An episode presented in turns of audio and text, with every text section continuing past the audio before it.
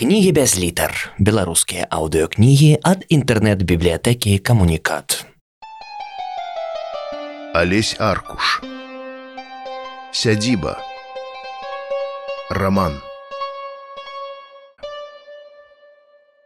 Гэта здарылася ў той самы дзень, калі я на свае ўласныя вочы назіраў, як сава пераследавала крумкача.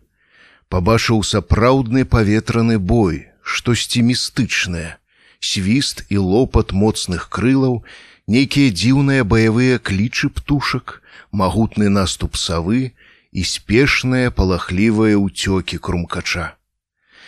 Бой відавочна пачаўся яшчэ за дзвіной на востраве, які на другім беразе ракі зелянеў зацішным занядбалым паркам.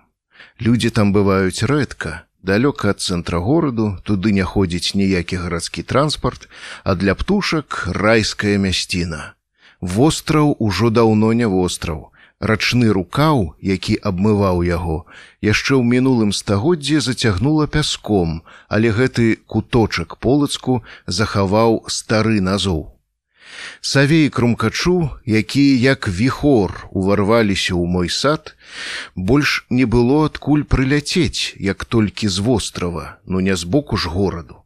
Магчыма, гэта і не быў крумкач, можа варона, можа грак, нейкі вялікі чорны птах, але для сябе я назваў яго крумкачом, паэтычна і металагічна, А вось саву немагчыма ні з кім зблытаць. Гэта сапраўды была сава. Мая сядзіба стаіць на самым беразе дзвіны насупраць вострава. У той дзень яблыні ў садзе бухмаціліся буйным кветам. Было цёпла, сонечна і ціха. Сонца толькі пачало каціцца ў бок экімані, ціхамірна працавалі пчолы по батлейчнаму нібы ў казачным спектаклі пырхалі мятлікі. Шпакі нахабна по-гаспадарску шпацаравалі па градах карацей суцэльная веснавая ідылія І тут раптам сярод белага дня сава, якая гоніць крумкача. Дзве вялізныя птушкі б'юць крыламі па галінах яблынь, утвараючы добры галас і атрасаючы долу белы квет. Сава атакуе клясычна, кіпцюрамі наперад, гэтаксама як ловіць мышэй. Крумкач адбіваецца крыламі і лямантуе, амаль як людцы забіваюць. Чаму крумкач адразу не ўзляцеў у нябёсы і не задаў лататы, мне не зразумела. І ўвогуле, у чым сутнасць канфлікту. Бо трэба мець сур'ёзную прычыну, каб пераследаваць суперніка на такую адлегласць. Магчыма, чорны злодзей разбурыў гняздо савы, Тады сапраўды няма даравання. Крумкач спрабуе зашыцца ў сярэдзіну разгалістай яблыні, але і тут яго дастае сава. Каменем падае на ворага, выставіўшы наперад свае лапы са сталёвымі кіпцюрамі. Крумкач зноў адчайна клякоча, чорны злодзей адрываецца ад яблыні і нізкім палётам, як ракета паветра паветра, якая ляціць над самай зямлёй, спрабуе зноў адарвацца ад пераследніка, але сава не адстае. Птушкі зрабілі некалькі піруэтаў па маім садзе і зніклі на суседскім участку. Але яшчэ колькі хвілінаў я чуў адчайнае крумкачынае клекатанне. Чым скончыўся паветраны бой, я так і не даведаўся. Дык што адбылося ў гэты дзень? У гэты дзень я зразумеў, што ўсё самае істотнае, важнае, сутнаснае здараецца нябачна, таемна, пад покрывам, за заслонай, за кулісамі, у падполлі. Так так, усё, што мы бачым, чуем, адчуваем, усё гэта робіцца толькі для таго, каб заблытаць нас, пусціць па непраўдзівым следзе. А прычым тут запытаеце вы сава і крумкач? А вось і пры тым, што нічога нельга зразумець, пабачыўшы невялікі кавалачак эмацыйнай спрэчкі паміж птушкамі, так і ў звычайным нашым жыцці. Ці бываем мы сведкамі, пра што выносім свае меркаванне ад пачатку да канца, ці ведаем усе перад гісторыі, усе падспудныя плыні і ўзаемаўплывы. Не, канешне то тады ўсе нашыя меркаванні і прысуды не вартыя лушпіны ад бульбы. Прыкладна так разважаў я ў сваёй сядзібнай альтанцы на беразе дзвіны пасля пабачанай паветранай бойкі. Праз пару дзён гэтыя думкі забыліся, і толькі праз год ці два я ізноў згадаў пра іх. Калі на прэзентацыю збіраюцца пераважна адны сябры, яна ператвараецца ў бардак. У хаце халодна, я толькі што закінуў кацёл першую партыю дроваў. Куртку можна будзе зняць хіба праз гадзіны дзве.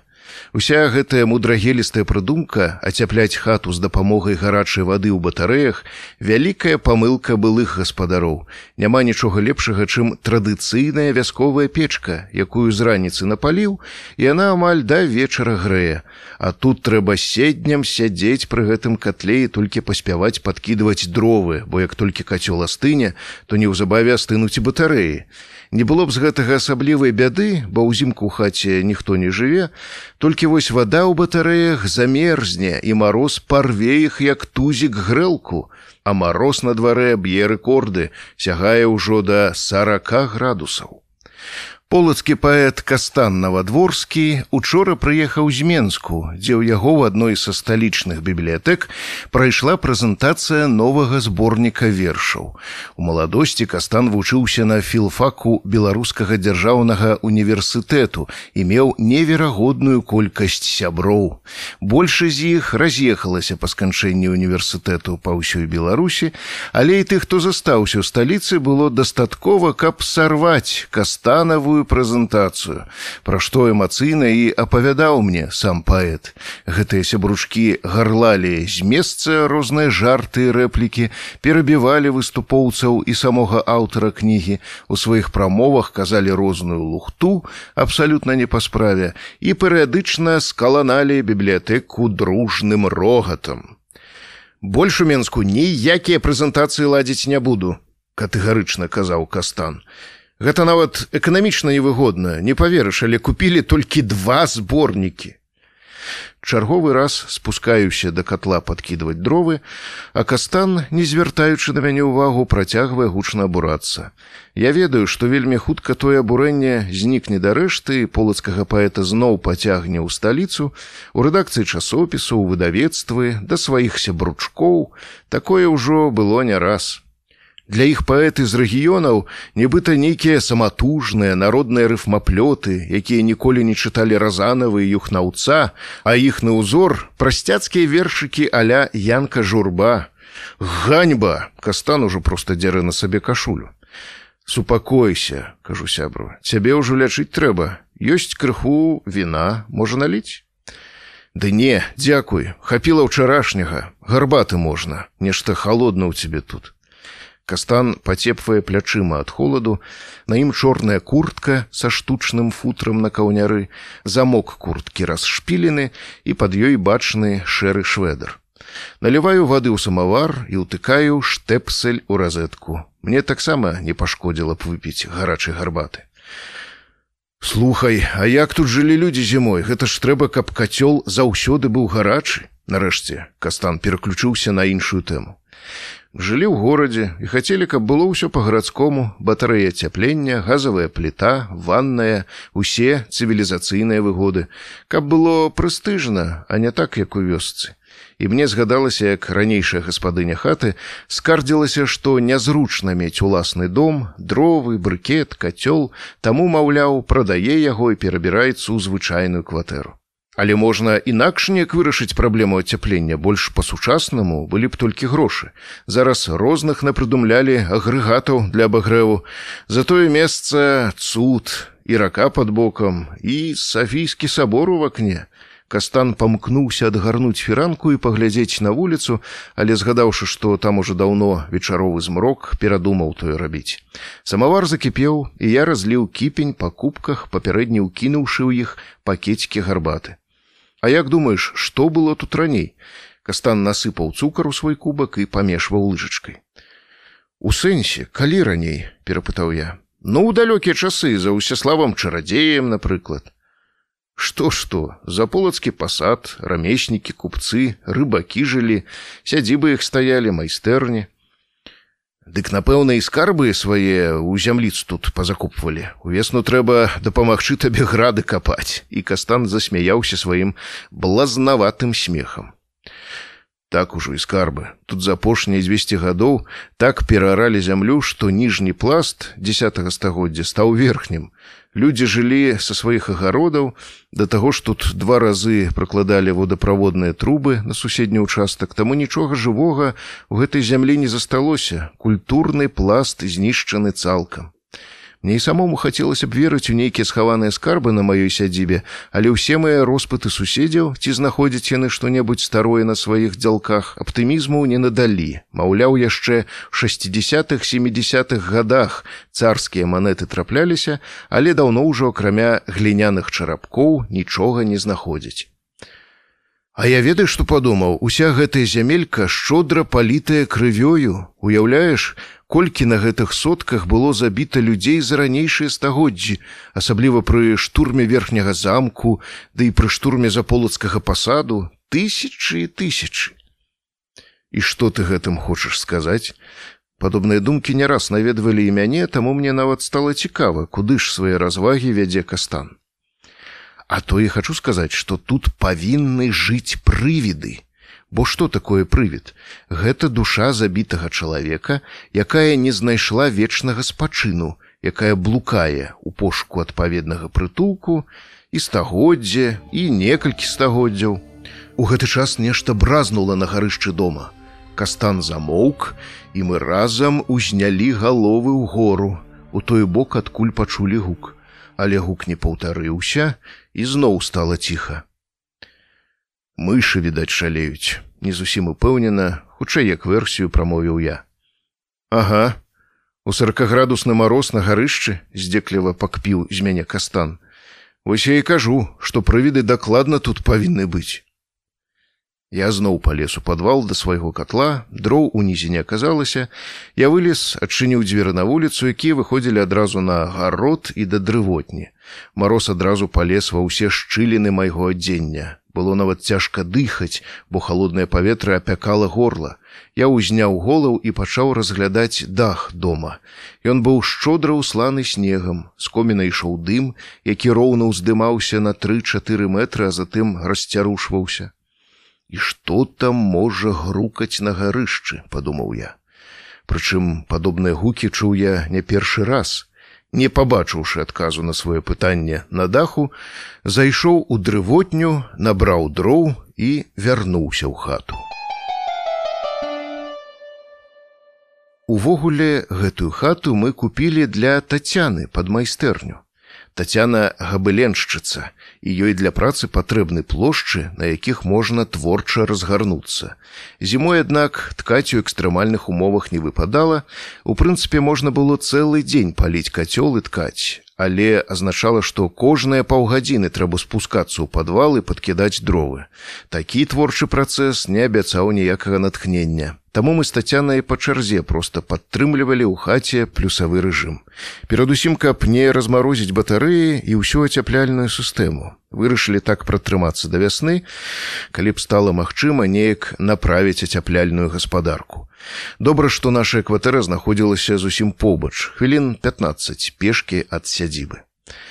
З гэтым домам нам пашанцавала. На той час, калі вырашылі купіць сядзібу, было досыць шмат прапановаў. Старыя людзі адыходзілі ў іншы свет, іх дзеці даўно былі ўладкаваныя ў гарадскіх кватэрах, таму бацькоўскія хаты прадавалі без жалю.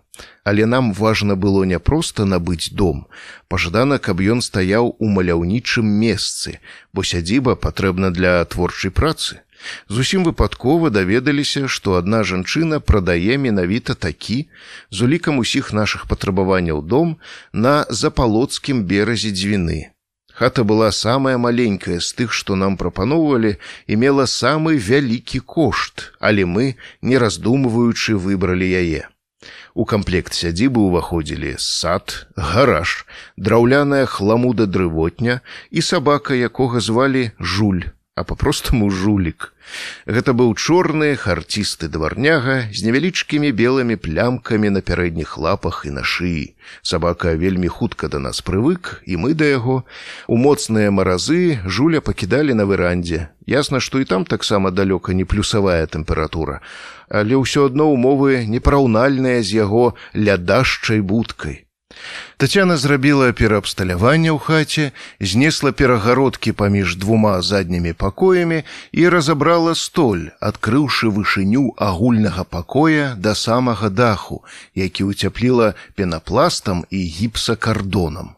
Гарышча засталося толькі над ваннай і кухняй. Гэткай рэканструкцыі хата не вытрымала, дакладней яе ацяпляльная сістэма папросту кацёл не быў разлічаны на такі аб'ём памяшкання і таму пачаліся нашыя штодзённыя зімовыя ратавальныя дзяжурствы. Некаторыя мёртвыя беларускія вёскі выглядаюць як згубленыя ў далёкіх стагоддзях паселішчы ў джунглях Індыі або Мексыкі. Быў я аднойчы ў адной такой вёсцы на маляўнічым беразе дрысы. Там усё наўкол так шчыльна пазарастала ляшчыннікам і розным кустоўем, што хаты можна ўбачыць толькі тады, калі падыдзеш да іх амаль у сутыч, ідучы па сцежках, якія цудам захаваліся. Людзі, напэўна, тут усё ж час ад часу з'яўляюцца, або сцежкі гэтыя звярыныя, што надае мясціне яшчэ большай містычнасці і закінутасці. Зусім нядаўна тут веравала жыццё, Людзі нараджаліся, сустракалі надыход сонца, купаліся ў рацэ, працавалі на калгасных палетках, займаліся каханнем і стваралі сем'і. Недзе ў гэтых хатах жыў і апошні жыхар або хутчэй жыхарка, бо жанчыны ў Беларусі жывуць даўжэй, а на вёсках гэта бадай што правіла. Магчыма, на яе вачах усё тут занепадала, зарастала хмызом і тэрыторыя паноўвала новае аўтахтоннае дзікае жыццё, якое не патрабуе электраэнергіі крамаў пошты нават мабільнай сувязі. Прычым новае жыццё ўжо мела іншую вонкавую форму, то бок яно сыходзіла ў таямнічасць і нябачнасць для звычайнага выпадковага наведніка. Хтосьці хадзіў па гэтых сцежках, але ніхто яго не бачыў, хтосьці спяваў песні, але ніхто іх не чуў, а калі чуў, то не разумеў. Хтосьці гінуў ад гвалту, але ніхто яго не бараніў. Гэтае жыццё мела свае законы, і гэтыя законы ніколі не парушаліся. Для самых валынцаў я сустрэў на аўтобусным прыпынку бабульку і паспрабаваў яе распытаць пра мёртвую вёску. А што там сапраўды ніхто ўжо не жыве, нават дачнікі не прыязджаюць, спытаў я. Там засталіся толькі самагубцы, адказала кабета і не стала больш нічога тлумачыць. Былыя гаспадары пакінулі ў хаце даволі шмат маёмасці. Крыху мэблі, поўны сарай усялякага хломазду і кардонныя скрыні з больш дробным майном у гаражы. Найбольш мяне цікавілі скрыні з кнігамі. Іх было ажно тры. Былыя гаспадары, відаць, нічога са сваёй хатняй бібліятэкі з сабой не ўзялі, бо ў тых скрынях трапляліся цікавыя і нават рэдкія выданні. Праўда, спрэс расейскамоўная некалькі проста шыкоўных томікаў Джека Лондона, Майн Рыда і Эрнеста Хамінгуэя, стракатых і пустых папсовых кніг, якія запаланілі кніжны рынок на постсавецкай прасторы, тут практычна не было. Гэтая бібліятычка відавочна збіралася ў 70-х 80-х годах. Калі кніга ў Беларусі раптам стала адмысловай каштоўнасцю і часам трэба было мець вялікія сувязі ў кнігагандлі, каб здабываць, што кольвічы вартае. У асобнай скрыні ляжалі часопісы і нейкія агульныя сшыткі. Гэта перадусім былі жаночыя выданні і перыёдыкі, прысвечаныя прысядзібнай гаспадарцы. Крыху ніжэй ляжаў стос часопісаў кацера і яхты за 70 пачатак 80-х гадоў. Гаспадар, які жыў на самым беразе дзвіны, трэба меркаваць, цікавіўся гэтай тэмай, а магчыма, нават і меў нейкае сваё прываднае судна ці лодку. Я дастаў са скрыні самы вялікі сшытак, хутчэй нейкую бухгальтарскую кнігу ліку, разгарнуў. Акуратным жаночым почыркам у ёй былі занатаваныя розныя кулінарныя рэцэпты і спосабы засолкі і кансервацыі ўраджаю з прысядзібнай дзялкі. У чарговым сшытку гаспадыня записывала свае сакрэты ў справе вязання сурветак, панчох і шведараў. Дастаў яшчэ адзін агульны сшытак, звычайны вучнёўскі разгарнуў, ён відавочна належаў гаспадару. У ім занатоўваліся парады рыбаку. Хутчэй за ўсё перапісваліся з нейкіх выданняў, якая рыба калі лепш ловіцца, на якую снасці прынаду. Мяне гэта не вельмі цікавіла, я механічна разгарнуў сшытак бліжэй да канца і прачытаў: « Сёння я зноў чуў гэты голас. як і мінулым разам адбылося тое недзе а першай гадзіне ночы. Гэта быў дзённік гаспадара. Слухае, што бывае з архівамі пісьменнікаў пасля іх смерці. Ні з пушчы, ні з лесу спытаў мяне навадворскі. Мы з ім разам працавалі ў шматтыражцы наваполацкага будаўнічага трэста нафтабуд. Сёння здалі нумары і займаліся сваімі справамі. Кастан разгадваў крыжаванку, а я чытаў томік верша ў владимира дубоўкі, які учора прыдбаў у светачы. А ты што, паміраць сабраўся? пытаннем на пытанне адказаў я. Ды не просто падумалася ну з архівам караткевіча або танка зразумела. Музей там школьны мемарыяльны куток дзяржаўны архіў.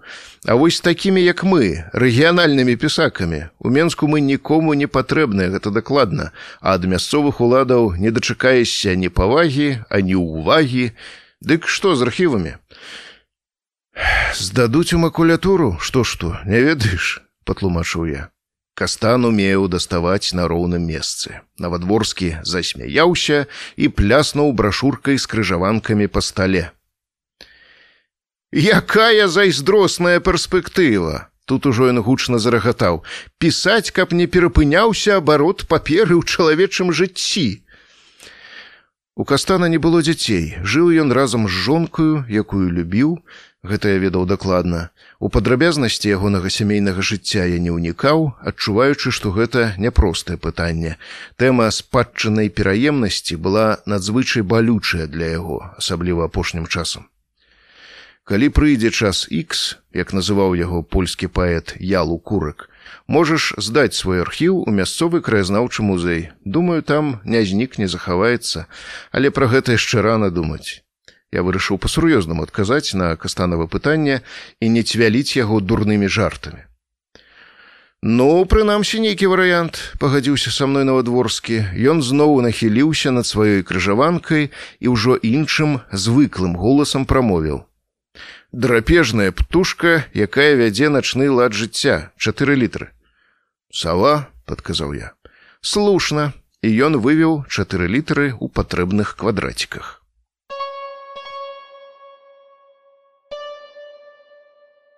Наўрад ці гэтыя запісы слушна называць дзённікам гаспадара, бо ад іх засталася толькі адна старонка. Раней іх відавочна было болей. Іншыя бачыны хтосьці выдзер са сшытка, ці сам гаспадар, ці хтосьці яшчэ. Думаю, што і тая адзіная старонка захавалася цудам. Магчыма, нехта знішчаў запісы ў спешцы і выпадкова пакінуў толькі пачатак дзіўнага тэксту. Вось тое, што я здолеў прачытаць у дзённіку гаспадара. Сёння зноў чуў гэты голас. Як і мінулым разам гэта адбылося недзе а першай гадзіне ночы. Доўга не мог заснуць. Недзе двадцатай схадзіў на кухню і выпіў шклянку вады. Голас гучаў як быццам бы з гарышча. Было цяжка разабраць словы, але тое, што гэта былі чалавечыя словы, то дакладна. Падалося, што гэта нейкі бязладны набор гукаў, цяжка было зразумець сэнс, але мае спалі. Нічога нікому не буду казаць.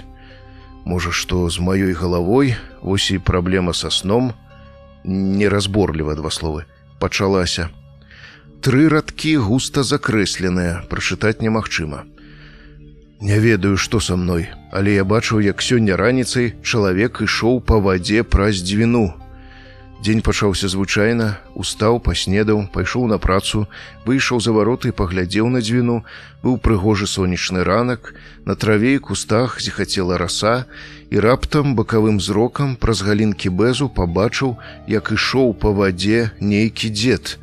Якраз пасярэдзіне ракі, у доўгай кашулі, вялікая барада, добра разгледзець не было як, бо ўсё ж адлегласць немалая, ішоў ён з боку вострава, Я ведаю, што там глыбока і перайсці дзвіну ў брод немагчыма.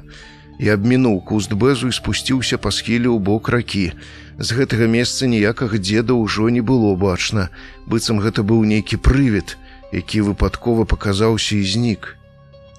Наступныя старонкі ў сшытку былі выдзертыя. Галоўным месцам у маім дзіцячым пакоі у бацькоўскай кватэры, быў пісьмовы стол. Так так, не канапа, а пісьмовы стол. У ягоных шуфлятках захоўваліся ўсе мае скарбы альбомы з паштовымі маркамі, скрынка з манетамі, старымі, пераважна часоў расійскай імперыі і сучаснымі замежнымі, скрынка са значкамі і некалькі гадавых камплектаў часопіса юны натураліст. Ляжалі тут яшчэ некалькі сшыткаў з маімі першымі дзіцячымі літаратурнымі опусамі. У невялічкіх нататках я спрабаваў пісаць вандроўкі на аўтамабілі, якія рабіў разам з бацькамі або уласныя выправы на рыбалку. Прасторы майго пісьмовага стола было дастаткова, каб я ў ёй нармальна жыў і функцыянаваў. Побач са сталом на тумбе стаяла радыёла. Ужо не памятаю яе назвы. Такім чынам, акрамя чытання, у вольны час можна было слухаць радыё, а таксама круціць вінілавыя кружэлкі. Асабістых яшчэ не меў, таму кружэлкі слухаў рэдка, а гукі радыё былі хутчэй фонам. З вакна майго пакоя можна было пабачыць сараі, пабудаваныя з белай цэглы. Яны шахтаваліся ў роўны працяглы шэраг. З вакна немагчыма ўгледзець, дзе яны заканчваліся. За сараямі пачыналася тэрыторыя бальніцы. На ёй, колькі памятаю, пасвіўся прывязаны на тоўстай вяроўчыне вялікі баран навошта быў баран бальніцы да сёння не магу даўмецца можа проста нехта з работнікаў лякарні скарыстоўваў у сваіх жывёлагаспадарчых мэтах разлеглую бальнічную тэрыторыю якая нагадвала парк зарослы канадскімі клёнамі і густой высокай травой Наш невялікі пасёлак адрозніваўся ад вёскі тым, што тут людзі жылі ў кватэрах, мелі цэнтральнае ацяпленне, газ, маглі мыцца ў ваннах і мелі пад бокам усе патрэбныя крамы, а таксама бальніцу, школу, два дзіцячыя садкі, дом культуры, сталоўку, пошту, стадыён і нават адміністрацыйны будынак з псеўдакалёнамі, такую сабе ратушу, які мы называлі гарсаветам. Большасць жыхароў пасёлка паходзілі з вёсак, мелі вясковы менталітэт і не збіраліся ад яго пазбаўляцца. Перадусім ім патрэбна было мець сваю гаспадарку. Яны пад вокнамі на клюмбах вырошчвалі цыбулю, часнык і моркву, а ў сараях трымалі парсюкоў, коз, трусоў і курэй. Такім чынам раніцай мяне будзіў певень. Удзень па двары хадзілі куры, два разы праз двор праганялі статак коз, а часам чысці парсючок выскокваў сараю і з пранізлівым віскатам пускаўся на ўцёкі, а за ім услед уся дзятва, якая на той час была ў двары. Тэрыторыя пасёлка чымсьці нагадвала мне мой пісьмовы стол. Усё тут было побач, самадастаткова і аўтаномна. Усё было ўзаемазалежным. Пасля школы я рабіў урокі за пісьмовым сталом, А калі чытаў часопіс юны натураліст, да мяне ў вакно заглядалі жывёлы, няхай сабе і хатняя. Мясцовыя няшчасці беды тут таксама збольшага былі звязаныя з гэтым патрыархальным укладам жыцця. Котка панішчала куранят, здох парсючок, дзятва гуляючы ў футбол, здратавала грады. Былі відавочныя нейкія іншыя беды, але яны тычыліся пераважна дарослых і да дзіцячых вушэй амаль не даходзілі.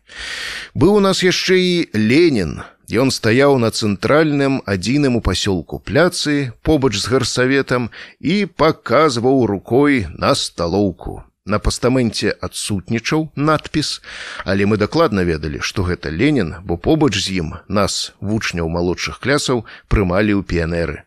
У нашым аўтаномна замкнёным жыцці Ленін даўно яшчэ да нашага з'яўлення на свет набыў сваю металегізаваную асабовасць. Пра яго хадзілі розныя гісторыі, байкі і жахі. Нехта сярод дзяд выпусціў пагалоску, што Ленін уночы сыходзіць з пастаменту і шпацыруе па пасёлку.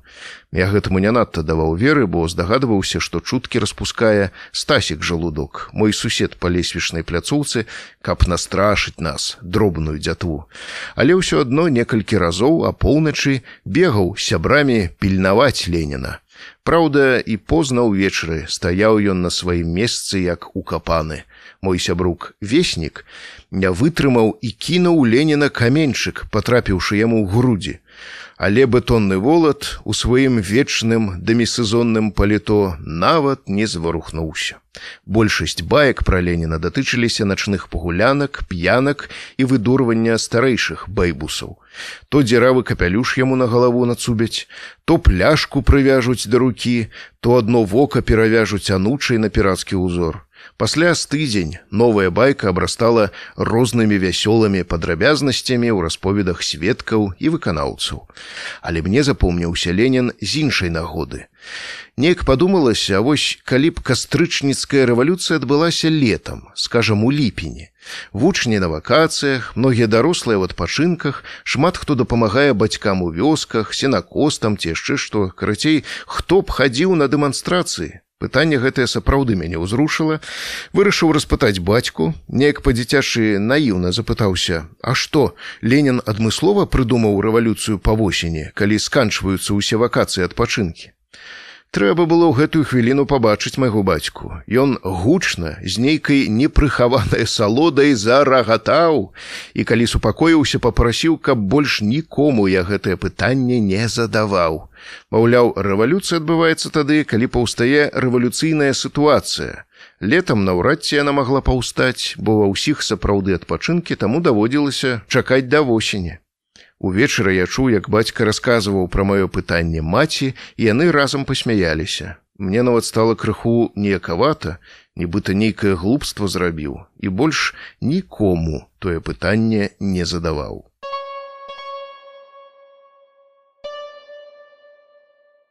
Сваю першую кватэру я памятаю цьмяна. Я жыў у ёй з 5 да 8 гадоў. Дакладней кватэра не была цалкам наша, у ёй мелі свой дах над галавой дзве сям'і і адзінокая жанчына. У той час кабета мне здавалася лядашчай сварлівай бабуляй, але сёння я б падкарэктаваў гэтую ацэнку і сказаў інакш: жанчына сталага ўзросту. Нам належалі два прахадныя пакоі на левы бок кватэры. Па правы бок жыла сям'я з двума дзецьмі, хлопчыкам і дзяўчынкай. Жыллёвай плошчы ў іх было значна менш, але яны мелі гаўбец, які выходзіў у двор. Дом быў трохпавярховы, мы жылі на другім паверсе. З гэтага дому практычна пачынаўся наш пасёлак.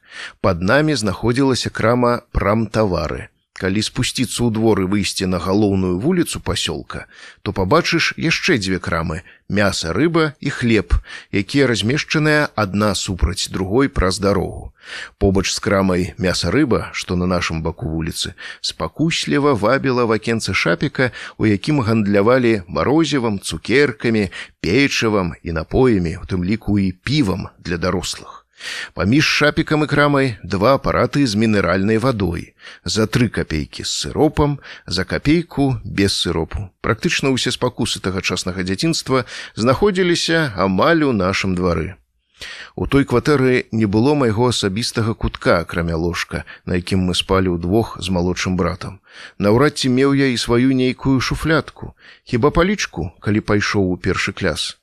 Да школы трэба было ісці праз увесь пасёлак у супрацьлеглы яго канец.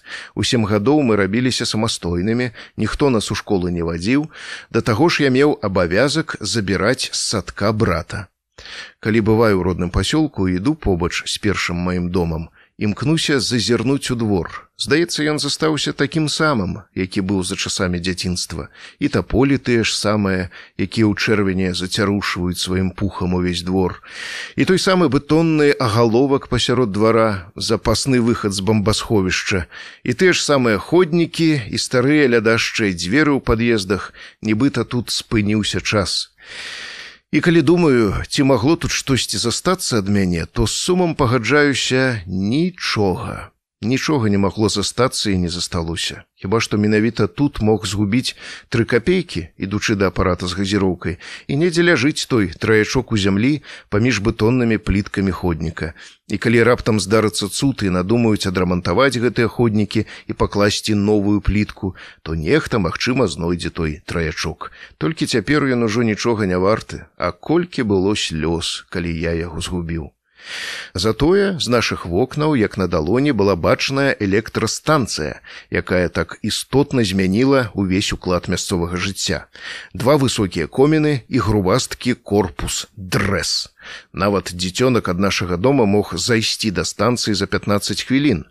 Вось так было побач. Менавіта дзякуючы гэтай спарудзе узнік мой пасёлак і людзі з навакольных вёсак перабраліся ў гарадскія кватэры са сваімі козамі, парцючкамі і курамі.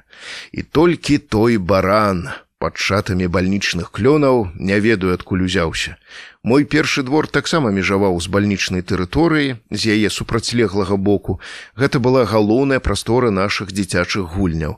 І таго барана на тоўстай доўгай вяроўцы я ведаю вельмі даўно. І часам мне здаецца што зусім гэта быў не баран а нейкае стварэнне над якім медыкі рабілі свае таемныя вопыты. Штосьці падобнае да ваўкалака толькі чалавек перакінуўся не ў аўка, а ў барана. Не пакладзеш жа яго ў бальнічную палату. Таму пасадзілі на вяроўку і спрабавалі вярнуць чалавечае аблічча. Бо які баран можа так доўга жыць, усё маё дзяцінства ён там пасіўся, побач з моргам. Ці атрымалася, што ў лекару? Наўрад ці хто ўжо адкажа на гэтае пытанне.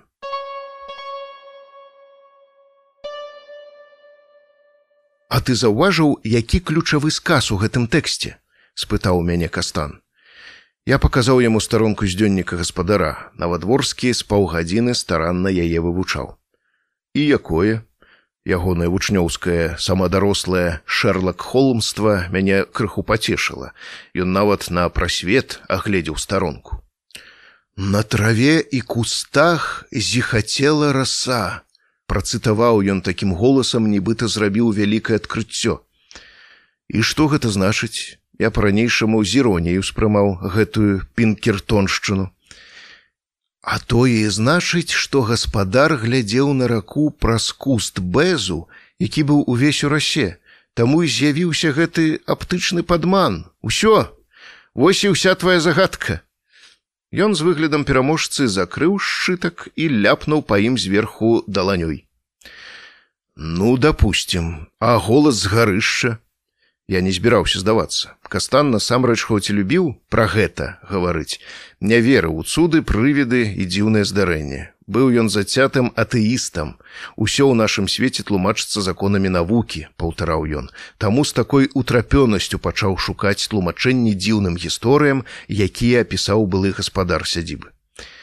І тут усё проста ты заўважыў, гаспадар напісаў, што гукі былі сумбурныя, немагчыма было ўцяміць сэнс. І як ты думаеш, што гэта значыць? А значыць, што гэта было хутчэй за ўсё рэха хтосьці з суседзяў мог уночы слухаць радыё або сварыцца ці гучна гаварыць. Уночы зусім іншая чутнасць і гарышча магло тыя гукі так бы мовіць рэтрансляваць. Вось і ўся таямнічасць. Кастан яшчэ раз ляпнуў даланёю па шчытку і ў гэты час як па камандзе з моцным суправаджальным гукам паваліліся ўсе кілішкі ў правым крыле буфету Кастан сядзеў да яго спінай на невялікай адлегласці, але зачапіць буфет ён не мог. Сябар ад нечаканасці збялеў. Ён паволі павярнуўся і пачаў аглядаць буфет. Перш за ўсё паспрабаваў яго пакратаць, спадзяючыся, што мэбля стаіць незбалянсавана на няроўнай падлозе, але буфет стаяў мёртва і непарушна. Я сам атрымаў шок ад нечаканасці. Як тыя кілішкі маглі ўсе разам адначасова паваліцца, прычым толькі ў правым крыле буфету. Нават калі кастан незаўважна і штурхнуў яго, то кілішкі павінны былі паваліцца і ў левым яго крыле. Яны там таксама ёсць, але такога не адбылося. Значыць, нехта штурхнуў толькі самі кілішкі, а не буфет. І як гэта магчыма, калі яны з-за закрытымі шклянымі дзверцамі? Ну што, пінкертон, на гэты раз скажаш, спытаў я сябра. Кастан маўчаў, устаў, яшчэ раз пакратаў буфет. Тут сапраўды ў цябе нейкая чартаўшчына. Нарэшце пагадзіўся ён. На двары забрахаў сабака. Брэх рабіўся ўсё мацнейшым. Відавочна, нехта ішоў да мяне ў госці. Было позна, недзе дзясятай вечара. Я толькі што прынёс у хату абярэмак дроваў, падкінуў печ і сеў за чытанне. Сапраўды ў дзверы нехта пагрукаў і адразу не дачакаўшыся з майго боку ніякага знаку, у хату ўвайшоў невядомы. Быў гэта мужчына гадоў сарака у чорнай балонневай курцы, без якога кольвічы галаўнога ўбору, хоць на вуліцы мароз ужо адолеў 20градусную адзнаку. Добры дзень у хату, сусед ваш, во прыйшоў пазнаёміцца, сказаў незнаёмец. На яго твары свяцілася не сказаць, што блазнаватая, але нейкая збянтэжаная усмешка. Чалавек відавочна не ведаў, як яго тут сустрэнуць. Мы парукаліся і пазнаёміліся, суседа звалі Мікалай. Жыў у бацькоўскай хаце з сям'ёй. З ранейшым гаспадаром гэтага дома, володзям, можна сказаць, быў сябрам.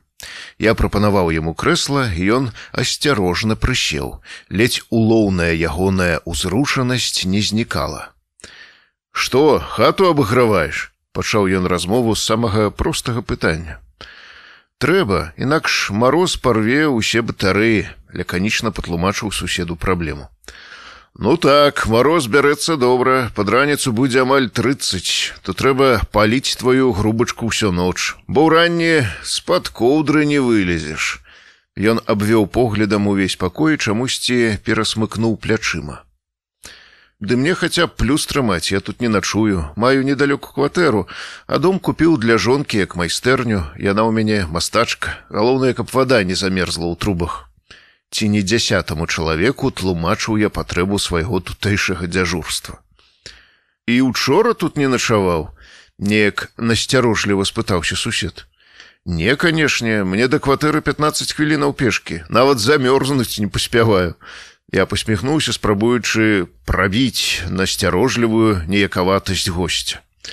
Дзіўна, сказаў ён, помаўчаў некалькі секундаў і дадаў: « А я сёння раніцай бачыў, як у гэтым тваім вакне свечка гарэла. І ён паказаў рукой на вакно. Выходзіў на працу, мне ажно ў баравуху дабірацца, вакол цемень поўная, А ў тваім вакне кволы агенчык, ну думаю, сусед ужо таксама на нагах. А чаму ты кажаш, што менавіта свечка гарэла? Мяне больш за ўсё здзівіла, што сусед згадаў пра свечку, бо ў доме няма ніякай праблемы з электрычнасцю. Ну, таму што святло было не ва ўсім вакне, толькі знізу я сам гэтаму здзівіўся, але думаю, сусед электрычнасць эканоміць. Николай хмыкнуў, нібыта збіраючыся засмяяцца, але спыніўся, як быццам перадумаўшы. Можа, падалося, можа, в акно адлюстроўвала нейкае іншае святло, водбліск які-небудзь. Разважаць пра прывіды са свечкамі мне ніяк не хацелася. Магчыма, няўпэўнена пахадзіўся ён і адразу перайшоў да справы. Я тут на хвілінку спытаць толькі, ці не пазычыш сто тысячаў. Сябры прыйшлі, пачаставаць трэба. Пасля гэтай просьбы ён адчуў сябе яшчэ больш неякавата і заёрзаў на крэсле. Ты ведаеш, не маю ніякіх грошай, не бяру з сабой, бо няма патрэбы, хіба што гэтымі тысячнымі паперкамі ў катле паліць. Я зноў паспрабаваў пажартаваць. Але мае жарты абсалютна не цікавілі госця. Ён устаў з крэсла і зазбіраўся сходзіць.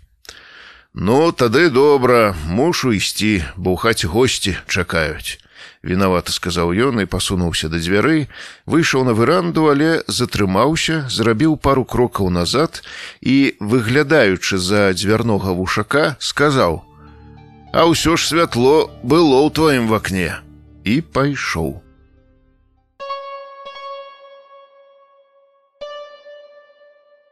ты якую будзеш гарбату чорную зялёную а можа зёлкі спытаў я ў кастана Той сядзеў за сталом побач з самаварам і штосьці пісаў у сваім нататнічку. Натуральна, зёлкі, чаго пытаешся? Кастан узняў галаву і дадаў: « Увогуле, гэта ў нас ад саветаў засталося. Любім усё замежнае, чужое, імпартнае. І нават калі гэта поўная херня, Вось хто ведае, як там тую гарбату збіралі, як захоўвалі. Мне здаецца карыснае для чалавека толькі тое, што расце побач. Да таго чалавек звыклы ў сотым тысячным пакаленні. Таму наш яблык карысней любога апельсына і банана. Але ідзі паспрабуй, патлумач гэта нашым людзям. Кастан любіў чытаць лекцыі пра карысць айчыннага, гэтыя яго развагі пра яблыкі апельсыны я ўжо чуў можа раз пяты. Ну тады за пару табе збор маёй мамы, чабор, мацярдушка, мята і штосьці яшчэ, раз ты такі прыхільнік роднага. Шчыра кажучы, я і сам быў аматар зёлак, але часам, калі прапаноўваў іх гасцям, бачыў дакорлівыя погляды, маўляў, вось гэта гасціннасць, нават гарбаты шкадуе.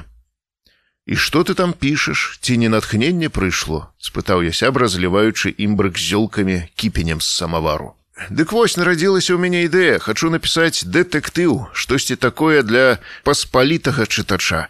А ведаючы сваю ляноту вырашыў друкаваць дэтэктыў у нашай газеце на літаратурнай старонцы. Старонка выходзіць раз на месяц таму буду абавязаны што месяц абавязкова напісаць нейкую частку твора. То за год і атрымаецца дэтэктыў цалкам скляпаць. Да таго ж спадзяюся павялічу цікавасць да газеты. Як табе моя ідэя Кастан засмяяўся, быццам бы прыдумаў сапраўды нешта геніяльнае. Магутна, падтрымаў я сябра. Дык што ўжо пачаў пісаць? Ды не, складаю толькі плян твору. Кастан паказаў нейкія накіды ў нататніку. Пакуль пачатак прыдумаў, з фіналам праблема, трэба неяк феерычна скончыць фінал, гэта аснова ўсяго твору. І пра што будзе твор? Мне не вельмі верылася, што кастан сапраўды возьмецца за рэалізацыю падобнага праекту, бо колькі іх у яго было дагэтуль. О, нават і цяжка падлічыць.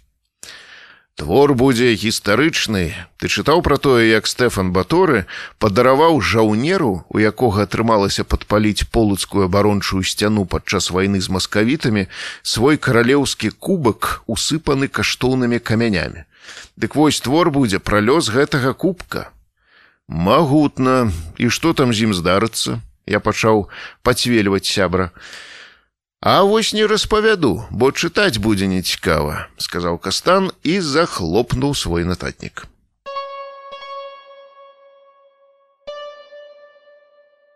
Сабака лапай адчыніў дзверы і зайшоў у хату. Гэта быў вялікі чорны дварняк з белымі шкарпэткамі на пярэдніх лапах. Заходзіў ён асцярожна, спачатку прапіхнуў пысу, прынюхаўся і навастрыў вушы, у хаце здавалася нікога не было. Тады сабака сцярожка выйшаў на сярэдзіну пакоя. Справа ад яго прысунуты ў сутыч да вакна стаяў стол, аточаны з трох бакоў крэсламі. На стале зырка блішчэў самавар, адлюстроўваў сонечныя промні, якія праз вакно клаліся якраз на яго пукатыя бакі. Сабака прыжмурыў вочы і адвярнуў галаву ў іншы бок. Злева ён пабачыў дзверы ў іншы пакой, шчыльна прычыненыя. Сабака зрабіў яшчэ колькі крокаў і падышоў да буфета. Адразу за буфетам можна пайсці налево, прамінуць чыгунную ванну і выйсці ў бакоўку. Там у падвале стаяў ацяпляльны кацёл. З бакоўкі быў выхад на задні двор. А калі пайсці направа, то трапляеш у маленькі кухонны пакой з лядоўняй, невялікай тумбай, якую спадары скарыстоўвалі як стол і чарупінай з кранам, у якой мылі посуд. Сабака зноў пастаяў колькі хвілінаў незварушна, зноў прынюхаўся. На кухне моцна пахла сырым мясам. На тумбе стаяў ладны рондаль, літры на тры, запоўнены кавалкамі свініны. Гаспадары, па ўсім было бачна, рыхтаваліся да нейкай імпрэзы. Звычайна такія мерапрыемствы суправаджаліся гатаваннем шашлыкоў. Сабака нібыта пасміхнуўся, прыжмурыў вочы і нягучна віскнуў. У такія дні тое сёе перападала і яму. Затым скокнуў пярэднімі лапамі на тумбу і пысай амаль дакрануўся да рондаля, прынюхаўся, лізануў рондаль языком, але пакінуў яго ў спакоі і зноў стаў на чатыры лапы. Сабаку цікавіла тут штосьці іншае. Ён зноў пачаў прынюхвацца, падышоў да чарупіны і лёг на жывот, паспрабаваў прапіхнуць пысу пад дзверцамі пад чарупінай але шчыліна паміж дзверцамі і падлогай была зусім малая і ўдалося торкнуць туды толькі нос. Сабака выцягнуў пысу са шчыліны і чмыхнуў, паспрабаваў той ж зрабіць лапай, і гэта атрымалася. Тады ён, павіскваючы, як быццам бы нервуючыся, пачаў драпаць лапай падлогу пад чарупінай нібыта спрабуючы адтуль нешта выцягнуць. Зрабіць гэта відаць было не так проста. Таемны госць памяняў лапу і з падвоенай актыўнасцю задрапаў падошках падлогі. Хвілінаў праз пяць яму нарэшце пашчасціла і ён выдрапаў штосьці з-пад чарупіны Сабака радасна віскнуў, схапіў зубамі сваю знаходку і трушком выбег на двор. Госці і гаспадары былі за хатай у альтанцы, таму ніхто таемны візыт не заўважыў. Сабака са знаходкай адразу знік у сваёй будцы. Праз нейкі час ён вылез вонкі, пазяхнуў і паглядзеў уверх. Сонца пачало хіліцца на вечар. Сабака абабег хату і спыніўся непадалёку ад альтанкі. Нейкі час яго ніхто не заўважаў. Гаспадары госці былі занятыя размовай. Таня, паглядзі твой жуль адвязаўся. Нарэшце хтосьці з жанчын заўважыў сабаку. Сабака вінавата схіліў галаву і пракудліва прыжмурыў вочы. Гаспадыня ўстала і, звяртаючыся да сабакі, жартаўліва прамовіла: « Пайшлі ўжо, жуллё, навяжу, а то зараз не дасі шашлыкамі ўправіцца. Сабаку узняў галаву на гаспадыню, замахаў хвастом, зноў пракудліва прыжмурыў вочы, крутануўся і пайшоў за ёю следам.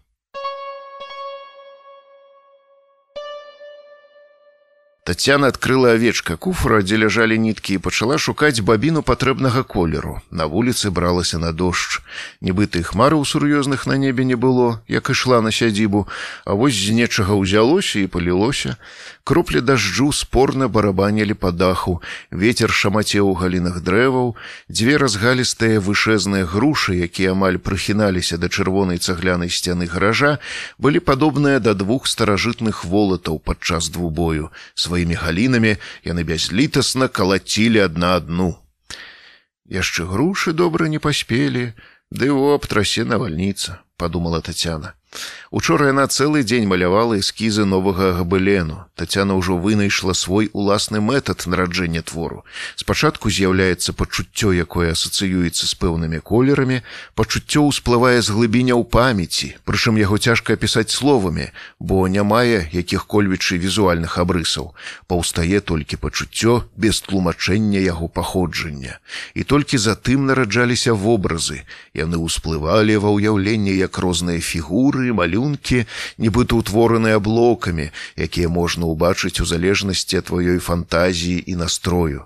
Не абавязкова гэта маглі быць нейкія рэалістычныя фігуры малюнкі. Часам нараджалася штосьці абстрактнае і тады колер увогуле ператвараўся у галоўную дзеючую асобу і тады мог дапамагчы чароўны куфар з ніткамі Калі не знайду патрэбны колер, тады можна злучыць дзве ніткі розных колераў, нібыта змяшаць фарбы, подумала Тацяна.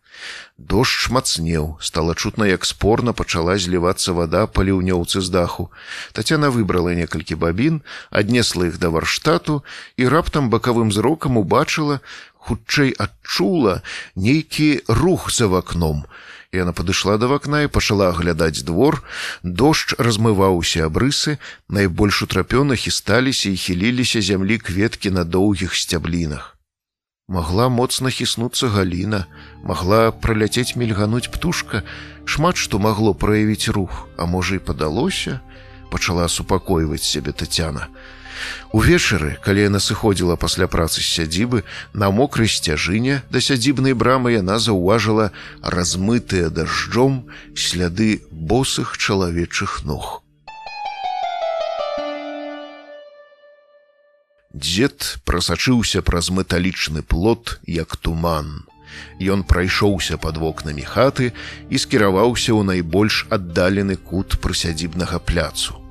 Следам за ім ляцела сава. Ніхто гэтага не мог бачыць, і толькі сабака, які спаў перад будкай, расплюшчыў вочы, узняў галаву і прыслухаўся. Недзе пад антонаўкай у густой траве зашамацела мыш. Вецер ледзь прыкметна варушыў лістоту на галінах. Першыя промні сонца толькі-толькі крануліся даху дома. Збоку ракі цягнула вільгаццю. Нават адсюль ад будкі сабакі праз дрэвы праз высокія кветкі было бачна, што раку укрывала шчыльная коўдра туману. Менавіта ў такі туман уздоўж берагоў полацку праплываюць варазскія дракары. Незаўважна і толькі ўсплёскі рыбы парушаюць цішу, як усплёскі вёслаў, і туман, які змяняе рэальнасць, рассоўвае яе каардынатныя восі, пашырае прастору дзейснага, блытае час і вяртае мінулае. Дзед робіць нейкія магічныя кругі на пляцы, постаць яго празрыстая, як з туману, і толькі на грудях штосьці зырка адбівае промні сонца. І чым вышэй сонца тым больш празрыстым робіцца постаць дзеда але затое ўсё зырчэй зіхаціць у яго штосьці на грудзёх. Сава сядае на тэлевізійную антэну і аглядае наваколле Сабака здымае нашыйнік, а рабіць гэта ён налаўчыўся даўно, абыходзіць хату і спыняецца каля альтанкі і адсюль заўважае дзеда, іх позіркі сустракаюцца. Сабака робіць ледзь прыкметныя рухі хвастом, нібыта вітаецца з госцем. Цішыня гучным зумарам азываецца ў вушах. Здаецца, можна пачуць, як цячэ рачная плынь. Дзед адварочваецца і углядаецца ў туман, нібыта сабака яго больш не цікавіць затым не спыняючы ўзірацца падае рукой знак чатырохногаму гаспадару паманіў яго. Той паслухмяна сцярожка робіць крокі насустрач падыходзіць да дзеда і становіцца побач з ім праваруч. Дзед кладзе яму руку на голаў сабака заплюшвае вочы і стаіць незварушна так яны стаяць абодва застыла і ціха хвілін десять.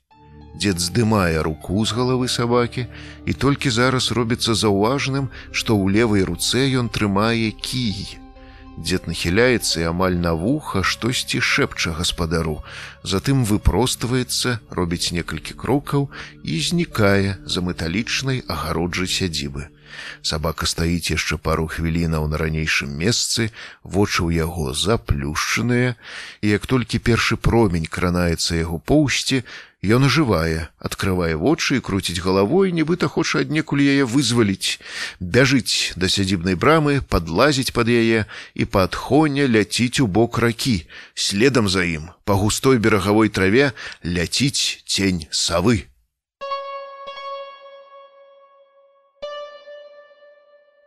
Калі мяне хтосьці спытае, якія мае любімыя птушкі і рыбы, то я не задумваючыся адкажу птушка сіваграк, рыба лінь. Такое ўпадабанне склалася яшчэ ў дзяцінстве. І сіваграк і лінь мне здаваліся нейкімі містычнымі казачнымі не тутэйшымі істотамі. Большасць навакольных птушак шэранькія, сціплыя, някіткія, і тут раптам гэты цуд сіваграк. Птушка, якая нібыта размаляваная каляровымі алоўкамі, перадусім сінімі і блакітнымі. Кожны раз, калі мае бацькі вазілі мяне ў лес па грыбы ці ягады, я бачыў гэтую птушку. Звычайна она сядзела на слупе з нумарам ляснічай дзялянкі. Усё, што звязанае з гэтай птушкай было для мяне таямніцай, нават назва яе. На мае роспыты бацькі толькі паціскалі плячыма. Такая вось гісторыя. Жыве побач птушка, не ў Афрыцы, не ў Аўстраліі і нічога пра яе невядома дома. Ні ў казках прачытаць ні ў зоапарку пабачыць. Ёсць птушки начныя напрыклад совы. Іх не так часто ў лесе пабачыш але з імі ўсё вядома. І ў казках і ў фільмах і ў зоапарках і нават дзіцячыя цацкі ў выглядзе такой птушки нярэдкасць то бок птушка мае свой пэўны імідж і металагічнасць малому дзіцёнку скажы сава і ён зразумее пра што гаворка.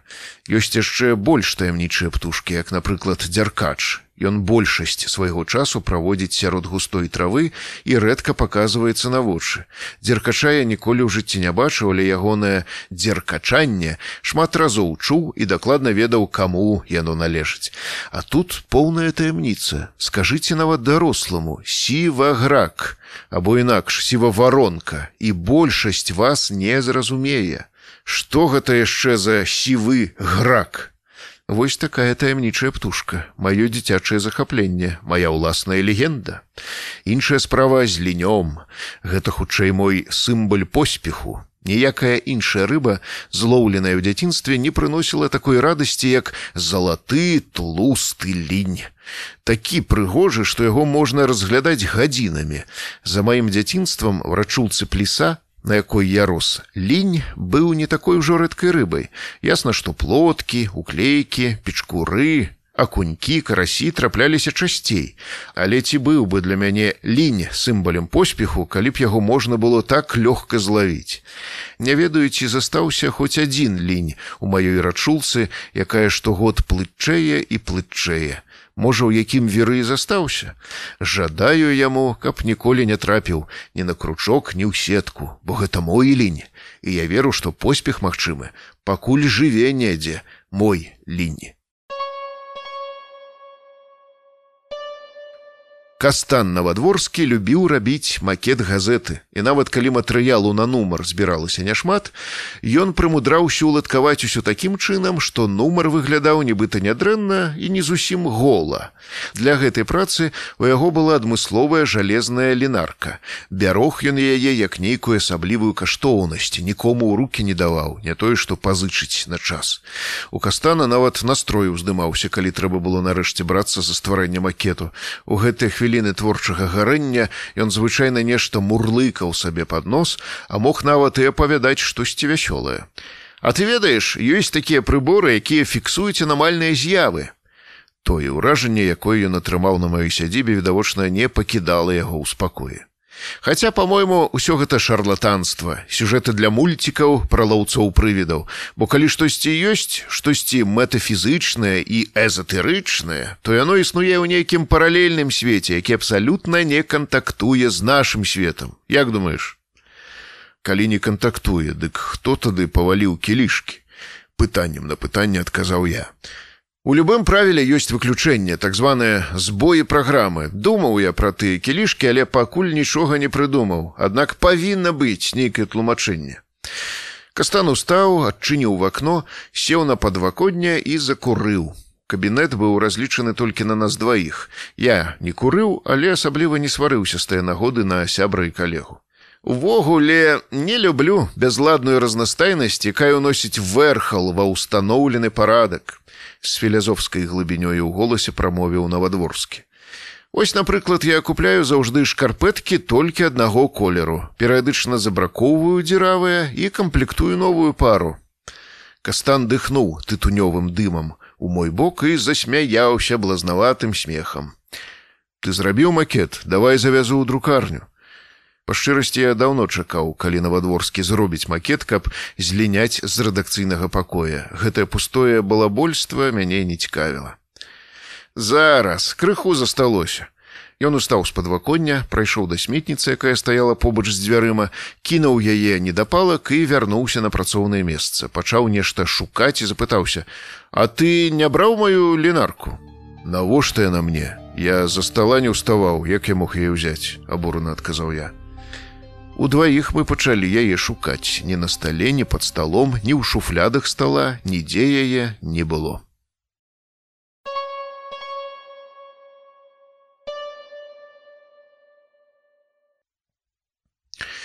Стасік жалудок меў брата блізнюка паўліка.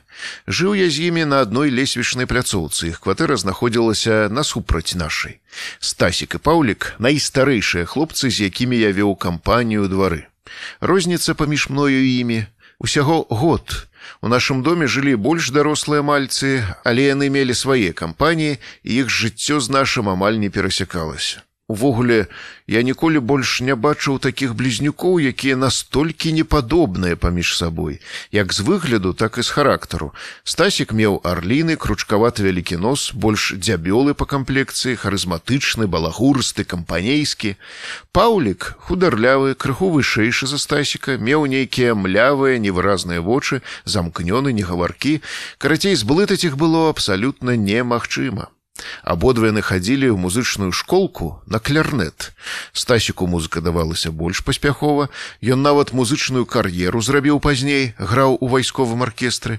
Іх маці працавала вартаўніком нашай пасялковай музычнай школкі. Часам, калі маці мела нейкі пільны клопат, то прасіла сыноў падзяжурыць гадзінку другую, напрыклад, да 11 ці 12.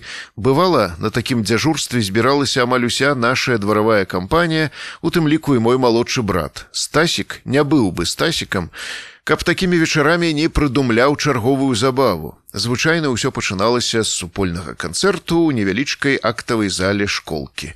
Ужо не памятаю, які музычны інструмент мне даставаўся, але калі ўлічыць, што з усёй нашай банды толькі стасік і паўлік хадзілі ў музычную школку, то канцэрт атрымліваўся феерычны і чымсьці нагадваў фільм вясёлыя рабяты.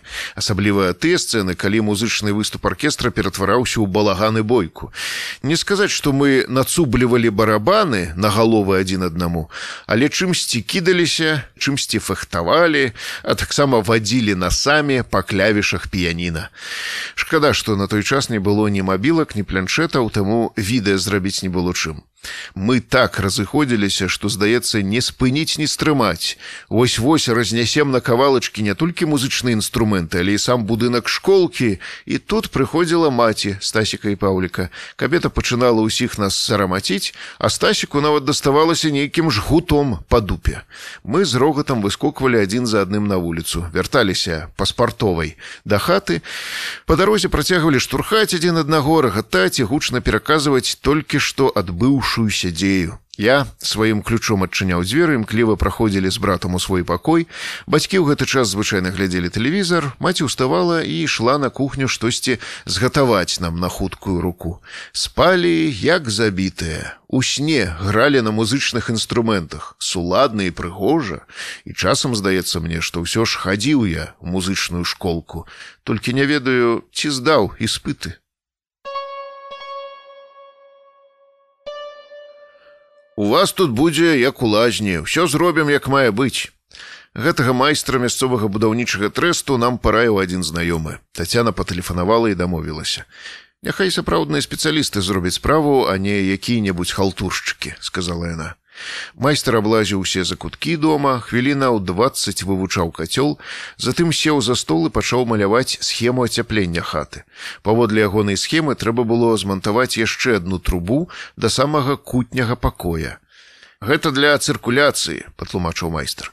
Вада кепска цыркулюе, таму доўга і кепска награваюцца батарэі працягваў тлумачыць ён і пры гэтым паказваў нам свой экспромт на паперы зроблены алоўкам. Нібыта абараняў перад намі курсавую працу на катедры водазабеспячэнні і каналізацыя. І вы гарантуеце што пасля вашых трубаналадачных дзеяў у хаце зімой будзе цёпла? спытала ў майстра татяна ну канешне у гэтай справе галоўная цыркуляцыя. Праўда, кацёл у вас стары і слабы, але думаю, пацягне яшчэ. Добра, пачынайце. Дала дазвол на будаўніча-рамонтныя працы ў сваім доме Тацяна. Праз паўгадзіны на сядзібе з'явіліся тры работнікі. Яны прыцягнулі з сабой зварачны апарат, трубы і яшчэ безліч нейкага начыння інструменту, утварыўшы на тэрыторыі сядзібы сапраўдны гармідар. Працы доўжыліся тры дні. Па іх сканчэнні на дзень здачы аб'екта прыехаў майстар, зноў аблазіў усе закуткі хаты і лаканічна заявіў: « Усё ў парадку, будзе як у лазні, я максімальна вам тут разлічыў. Тацяна вырашыла праверыць новую цепланагравальную гаспадарку на практыцы. Яна распаліла кацёл і пачала чакаць, калі ж будзе як у лазні. У бліжэйшую гадзіну вялікага працэсу цеплагаспадарка не прадэманстравала. Майстар заявіў, што не мае часу далі тут з намі бавіцца, бо шмат працы на іншых аб'ектах, а сістэма павінная яшчэ сама наладзіцца, папрацаваць, паганяць ваду па трубах. Тацяна разлічылася з майстрам, батарэі ўрэшце рэшт нагрэліся, але як там цяпер будзе ўзімку, было цяжка сказаць. Летняе надвор'е не дазваляла правесці зімовы эксперымент. Я сядзеў у альтанцы і назіраў за рыбакамі, якія лавілі рыбу. На дзвінскую ваду акварэльна клаліся адбіткі дрэваў, якія раслі на супрацьлеглым баку ракі востраве. Рыба відавочна не клявала, таму два рыбакі, якія траплялі ў мой зрокавы сегмент назірання, былі падобныя да манекенаў у краме рыбалка і палявання. Сонца з нарастаючай хуткасцю кацілася ў бок рыгі, нібыта гнаная плынню дзвіны. Вечаровыя промні залацілі вершаліны дрэваў на востраве і бліскаўкамі рассыпаліся па воднай паверхні. Кірлі нястомна патрулявалі раку, выглядаючы рыбак, якія грэлі спіны на вечаровым сонцы ля мяжы вады і паветра, а недзе на таемных глыбінях, як субмарыны, ляжалі вялікія самы і толькі варушылі сваімі сур'ёзнымі вусамі, чакаючы, калі ўжо нарэшце гэтае сонца схаваецца і тады можна будзе выйсці на паляванне. Суладна рачной плыні плылі і мае думкі. Я разважаў пра лёсы тых людзей, якія жылі ў гэтым доме раней. Не спазналі мы тут шчасця, на жаль, сказала былая гаспадыня сядзібы, развітваючыся з намі. Чаму не спазналі, тут так прыгожа, наіўна спытала Тацяна. Напэўна, у кожнага свой лёс, унікліва адказала гаспадыня і опусціла вочы. Відавочна яна хацела нешта яшчэ дадаць, удакладніць, але перадумала, развіталася і пашыбавала да весніц, несучы ў руках важкі пакет з нейкімі рэчамі, якія адшукала ў хаце пры апошнім аглядзе сваёй былой маёмасці. І гэтыя словы не давалі мне спакою, дакладней не самі словы, а тая інтанацыя, з якой яны былі прамоўленыя, тое хваляванне, якое адчувалася і ў яе голасе і ва ўсіх рухах і ў апушчаных вачах, ну і канешне тыя словы, якія былая гаспадыня не рашылася прамовіць. Сумная думка не давала мне спакою. Жыць сярод такой прыгажосці, штодзень бачыць крыжы Сафіі і не спазнаць шчасця. Чалавечае шчасце, відаць, сапраўды вельмі капрызлівае, але, магчыма, былая гаспадыня мела рацыю, што шчасце залежыць не ад месцы жыхарства, а ад канкрэтнага чалавека. І дзе б ты не быў, куды б ты не з'язджаў, дзе б не шукаў сваю долю, тваё персанальнае шчасце або няшчасце ужо дэталёва распісана і квітанцыя дасланая адрасату. Нібыта спадзяючыся пачуць думку Сафіі, я павярнуў голаў яе бок і ў гэты самы час час выразна пабачыў на шкельцах акуляраў адбітак. Пасярод дзвіны у бок сядзібы ішоў дзед з доўгай барадой. Я рэзка крутануў голаў у яго бок, але мяне неспадзявана асляпіў промень сонца і на некалькі секундаў знік зрок. Калі зрок аднавіўся, я ўзняўся з лаўкі, пачаў пільна аглядаць дзвіну. Ніякага дзеда ні на самой рацэ, ані на беразе не было.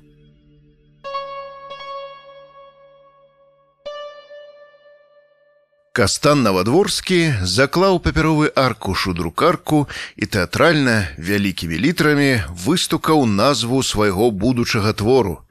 Тапелец у дзвіне. Затым узняўся з крэсла, падышоў да адчыненага вакна і закурыў. Відавочна, ў гэтай хвіліны ён абдумваў сюжэт. Яго міміка выдавала то задаволеную смешку, то засяроджанасць. Часам здавалася, што ён бязгучна нешта прамаўляе, нібыта актор, які згадвае сваю ролю перад выхадам на сцэну. Затушыўшы недапалак у попельніцы, Кастан зноў сеў на крэсла перад друкаркай і пачаў хутка выстукваць тэкст.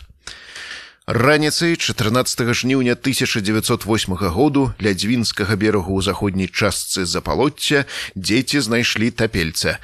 Гэткія прыгоды здараліся ў полацку нярэдка. Усё ж дзвіна вялікая рака з імклівымі верамі і плынямі, з ёю не варта жартаваць, асабліва калі твае здольнасці плыўца пасрэдныя. Але гэты тапелец быў незвычайны, у ягонай спіне тырчалі тронкі ножа.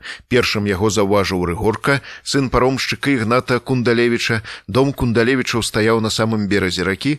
Бацька рыгоркі з раніцы да змяркання завіхаўся на пароме які злучаў за палотце за кіманню гэтай справай кундалевічы займаліся з даўніх часоў. Рыгорка таксама цэлы дзень бавіўся на рацэ лавіў рыбу купаўся гуляў з сябрамі ў піратаў і маракоў. Цела нерухома ляжала на міліне. Заўважыць яго з узвышша запалоцкага пасаду не дазваляла высокая балотная трава. Вунь тапелец закрышаў рыгорка звяртаючыся да гурмы подлеткаў якая непадалёку як кубка вераб'ёў сядзела на цёплым пяску ўзбярэжжа. Сябрукі паўскоквалі з месца і пабеглі на кліч. Упэўніўшыся, што на беразе сапраўды ляжыць мярцвяк з крыкам тапелец тапелец дзятва пабегла ў бок сядзібаў. Высветліць асобу памерлага паліцыі не ўдалося, ніякіх дакументаў у ягоных кішэнях не аказалася. Супрацоўнікі следчага аддзелу былі ўпэўненыя, што пацярпелага спачатку забілі ударам нажа ў спіну, а затым скінулі ў раку. Магчыма, скінулі недалёка ад берага таму цела не падхапіла плынь, а на меліну трэба меркаваць выкінулі хвалі ад начнога парахода. Забіты належаў да дваранскага саслоўя, гэта было відаць па вопратцы і рэчах знойдзеных у кішэнях, дарагім гадзінніку, ста рублях у прыгожым скураным партманеце, грабянцы з панцыру чарапахі. Памерлы меў невялікую акуратную бародку і радзімку на левой скроні. Следчы Адам Цісковіч, які звычайна займаўся падобнымі справамі, адразу зразумеў, што разбыл разблытаць гэты клубок будзе няпроста. Забіты быў чалавекам не тутэйшым у полацку цісковіч ведаў усіх прадстаўнікоў дваранскага саслоўя. Не ведаючы імя забітага і магчымых матываў забойства рабаўніцтва адпала бо грошы засталіся пры забітым. Было бессэнсоўна будаваць якія-кольвічы гіпотэзы. А пытанне дзяцей што знайшлі труп і жыхароў запалоцкіх сядзібаў бліжэйшых да месца здарэння ніякай карысці інфармацыі не далі. Ніхто нічога не ведаў нічога падазронага не назіраў. Пра здарэнне паведамілі ў паліцыю губарнскага цэнтру. Адпаведную аб'яву змясцілі ў віцебскіх губернскіх ведамасцях Адам Цісковіч не збіраўся пускаць справу на самацёк. Ён быў вопытным майстрам вышуку, больш 15 гадоў служыў у паліцыі. Пра яго казалі, што Адам Мікадзімавіч мае адмысловае пачуццё як ганчак. Гэтае пачуццё слушна было б называць інтуіцыяй і гнуткасцю розуму. Добра ведаючы норавы тутэйшых месцічаў, ён сам быў карэнным палачанінам і псіхалогію прадстаўнікоў асобных саслоўяў. Цісковіч лёгка мадэляваў розныя сітуацыі версіі дакладна вызначаў вызначаў самыя неверагодныя матывы злачынстваў. Следчы меў някідкі выгляд, невысокі рост, русявыя валасы з сіметрычнымі залысінамі, маленькі правільны нос, які крыху губляўся на шырокім твары, шэрыя вочы, у іх заўжды прысутнічала ці то схаваная усмешка ці то зацікаўленасць да суразмоўцы. Адметнай прыкметай следчага з'яўлялася бадай прымятасць яго правага вуха. Такая асаблівасць надаецца чалавеку ад нараджэння. Калегі ж пасмейваліся, маўляў, гэта ў цісковіча баявая метка вуха пакамечылі ў бойцы злачынцы. У запалоцкай справе не было нават кволай зачэпкі, таму Адам Цісковіч заняўся высвятленнем незвычайных здарэнняў, якія адбыліся ў полацку за апошнія некалькі дзён. Распытваў рамізнікаў, чыгуначнікаў, рыбакоў, паромшчыкаў, гандляроў, пакаёвак гатэляў, гаспадароў мэбляваных пакояў, шынкароў. Пра адно незвычайнае здарэнне яму ўсё ж удалося даведацца. Іван Зянович паходзіў з вядомага беларускага шляхецкага роду. Ягоны продак, кашталян полацкі Юры Зянович, удзельнічаў у аблозе вызваленні старажытнай крыўскай сталіцы ад стральцоў Івана Жахлівага. На шале вялікага аб'яднанага войска кароны і вялікага княства літоўскага у той выправе стаяў сам кароль Стэфан Баторы. У стракатую сорокатысячную вайсковую армаду уваходзілі польскія, нямецкія, вугорскія, украінскія аддзелы. Беларускіх ваяроў узначальвалі ваявода троц полацкі сцяпан збаражскі ваявода полацкі мікалай дарагастайскі і продак ивана юры зянович. У 19 стагоддзі род зяновича узбяднеў бацька ивана сцяпан зянович працаваў полацку выкладчыкам выхавацелем у запалоцкім дзіцячым прытулку. У 1892 годзе ён раптоўна памёр. Сям'я жонка кацярына з непаўнагадовымі сынам і дачкою засталіся без кармільца. Маці ивана а ён меў на той час 13 гадоў вырашыла пераехаць у Москву, куды яе запрашаў старэйшы брат, абяцаючы дапамогу і апеку.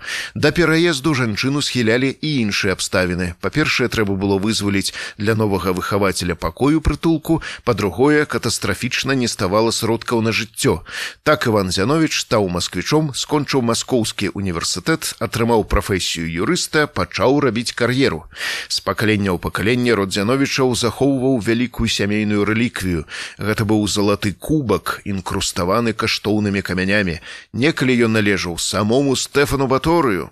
У якасці ўзнагароды з рук караля кубак атрымаў ваяр украінскага аддзелу, што здолеў падчас аблогі полацку, у якім заселі расійскія стральцы падпаліць абарончую сцяну верхняга замку. Каралеўскі кубак у ваяра выкупіў полацкі кашталян Юры Зянович, хоць і надаў кароль смельчаку разам з узнагародай шляхецкую годнасць адпаведны герб вайру найперш патрэбны былі грошы. З таго часу кубак баторыя перадаваўся ў родзе зяновічаў з пакалення ў пакалення як найкаштоўнейшая рэліквія як сімбаль смеласці поспеху і імкнення даволі прадзед ивана василий зянович актыўна удзельнічаў паўстанні касцюшкі за што зяновічаў пазбавілі ўсіх радавых маёнткаў. У 19 стагоддзі зяновіча канчаткова збяднелі аднак кубак баторыя ўсё адно знаходзіўся ў сям'і праўда ўжо таемна. Дзе перахоўвалася каштоўнасць часам ведаў толькі гаспадар рэлікві рэліквіі.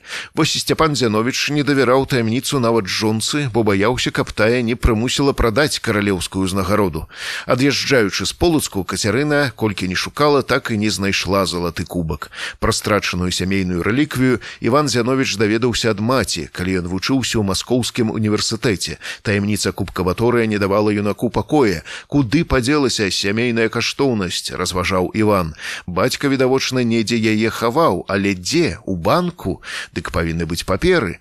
Іван некалькі разоў пераглядаў бацькавы архіў, гэта былі лісты ад сваякоў, накіды нататак па гісторыі, якія Сцяпан Зянович пісаў для віцебскіх губернскіх ведамасцей, розныя рахункі справаздачы, пляны заняткаў, а таксама выцінкі з газет нічога з таго, што магло б дапамагчы ў пошуку. Аднойчы ці не дзясятым разам Іван пачаў пераглядаць бацькавы архіў. У тэчцы з артыкуламі па гісторыі ён звярнуў увагу на маляваную ад рукі мапу полацку. Мапа раней не выклікала ў яго цікавасці, бо ляжала паміж аркушаў артыкула па гісторыі запалоцкага пасаду. Таму не ўзнікала пытанняў, чаму запалоцце на мапе намалявана гэтак дэталёва. Вось тут, ля самай сутокі палаты, некалі стаяла уніяцкая драўляная царква кузьмы і дзям'яна. Побач паромная пераправа. Вось галоўная вуліца пасаду махіроўская. Яна выцягнулася з усходу на захад і скрыжоўваецца з чатырма папярочнымі. Вось печы на беразе ракі, у якіх выпальвалі вапну, вось паром, які злучаў запалоцце за кіманню, побач лодачны прычал. Іван згадаў, што тут можна было ўзяць лодку ў наймы. А вось і будынак дзіцячага прытулку, у якім жыла сям'я выхавацеля Зяновіча. Разглядаючы мапу, Іван заўважыў невялічкі крыжык намаляваны ў двары прытулку. Каля крыжыка стаяла літара К. Магчыма, гэта калодзеж, падумаў малады Зяновіч. З дзяцінства ён памятаў, што ў двары сірочага дому сапраўды быў калодзеж. А магчыма, нечаканая думка здагадка бліснула ў нетрах свядомасці слова кубак таксама пачынаецца на літару К. Кастан Навадворскі паставіў кропку і задаволена пацёр руки. Справа атрымала удалы пачатак. Ён склаў у стос аркушы з надрукаваным тэкстам і пачаў яго перачытваць, па ходзе выпраўляючы памылкі. Затым намаляваў газетны макет літаратурнай старонкі, у якой увесь падвал развароту газеты аддаў пад першую частку свайго дэтэктыўнага аповеду. Назаўтра тапельца ў дзвіне ўжо абмяркоўвалі чытачы.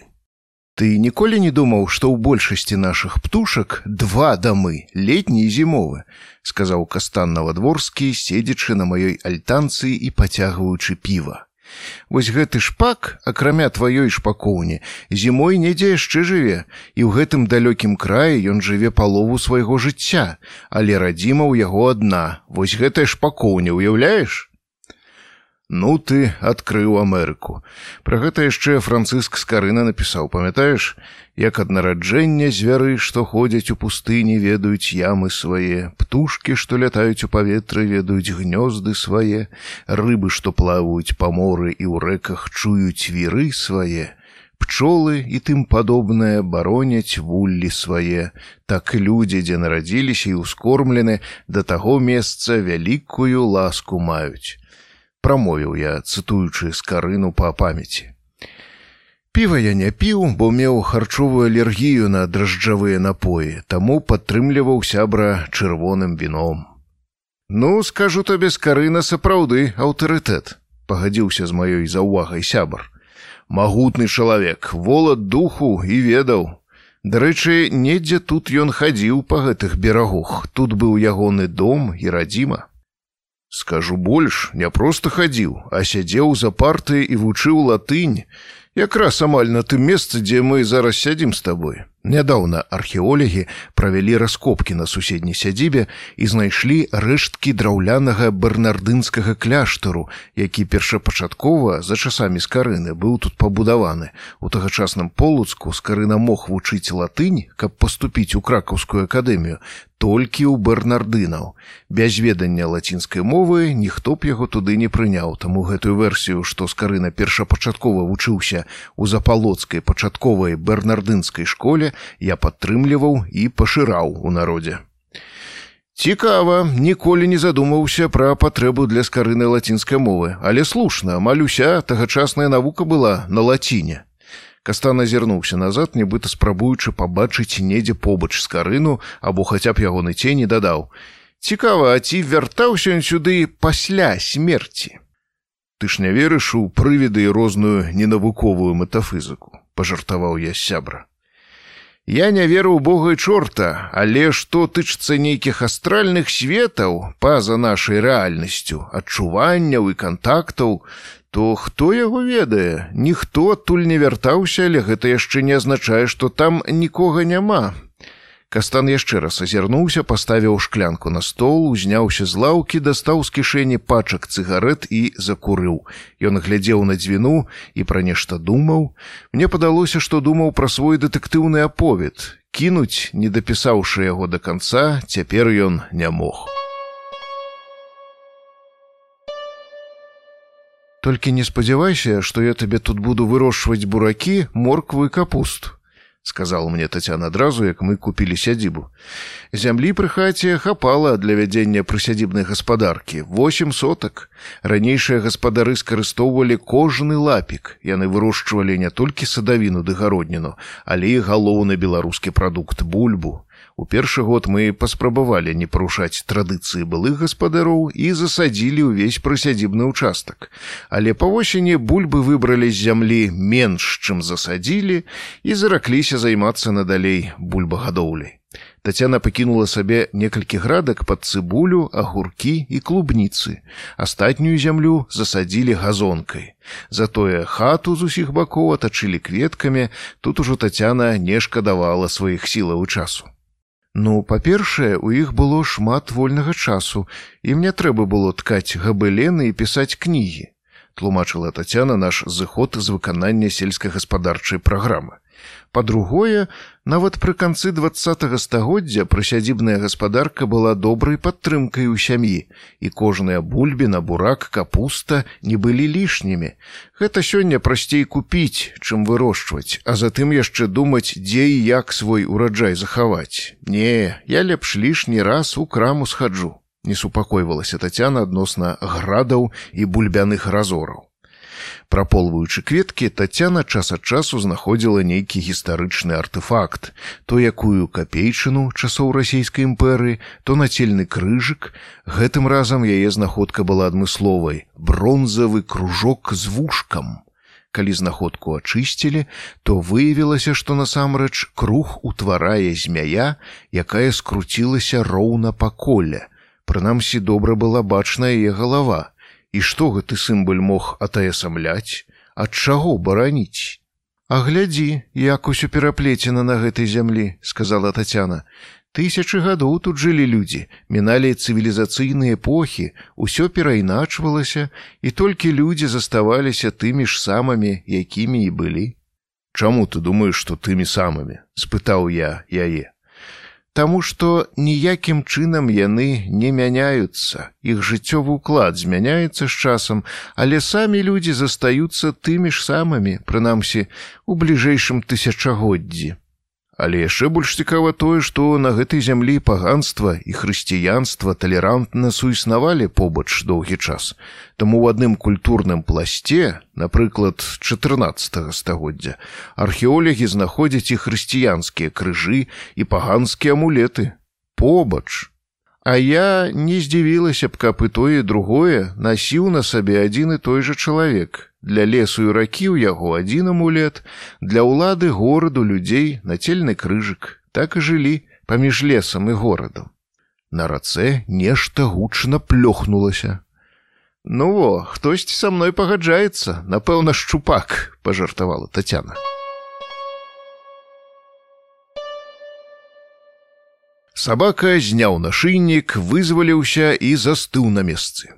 Ранішні цень ад елкі дзяліў сабаку на дзве часткі, асветленую променямі галаву і ўсё іншае стулавам лапамі і хвастом схаванае ў цені. Было ў гэтым малюнку штосьці містычнае, паганскае, жывая галава, якая мружыла вочы і пра нешта думала.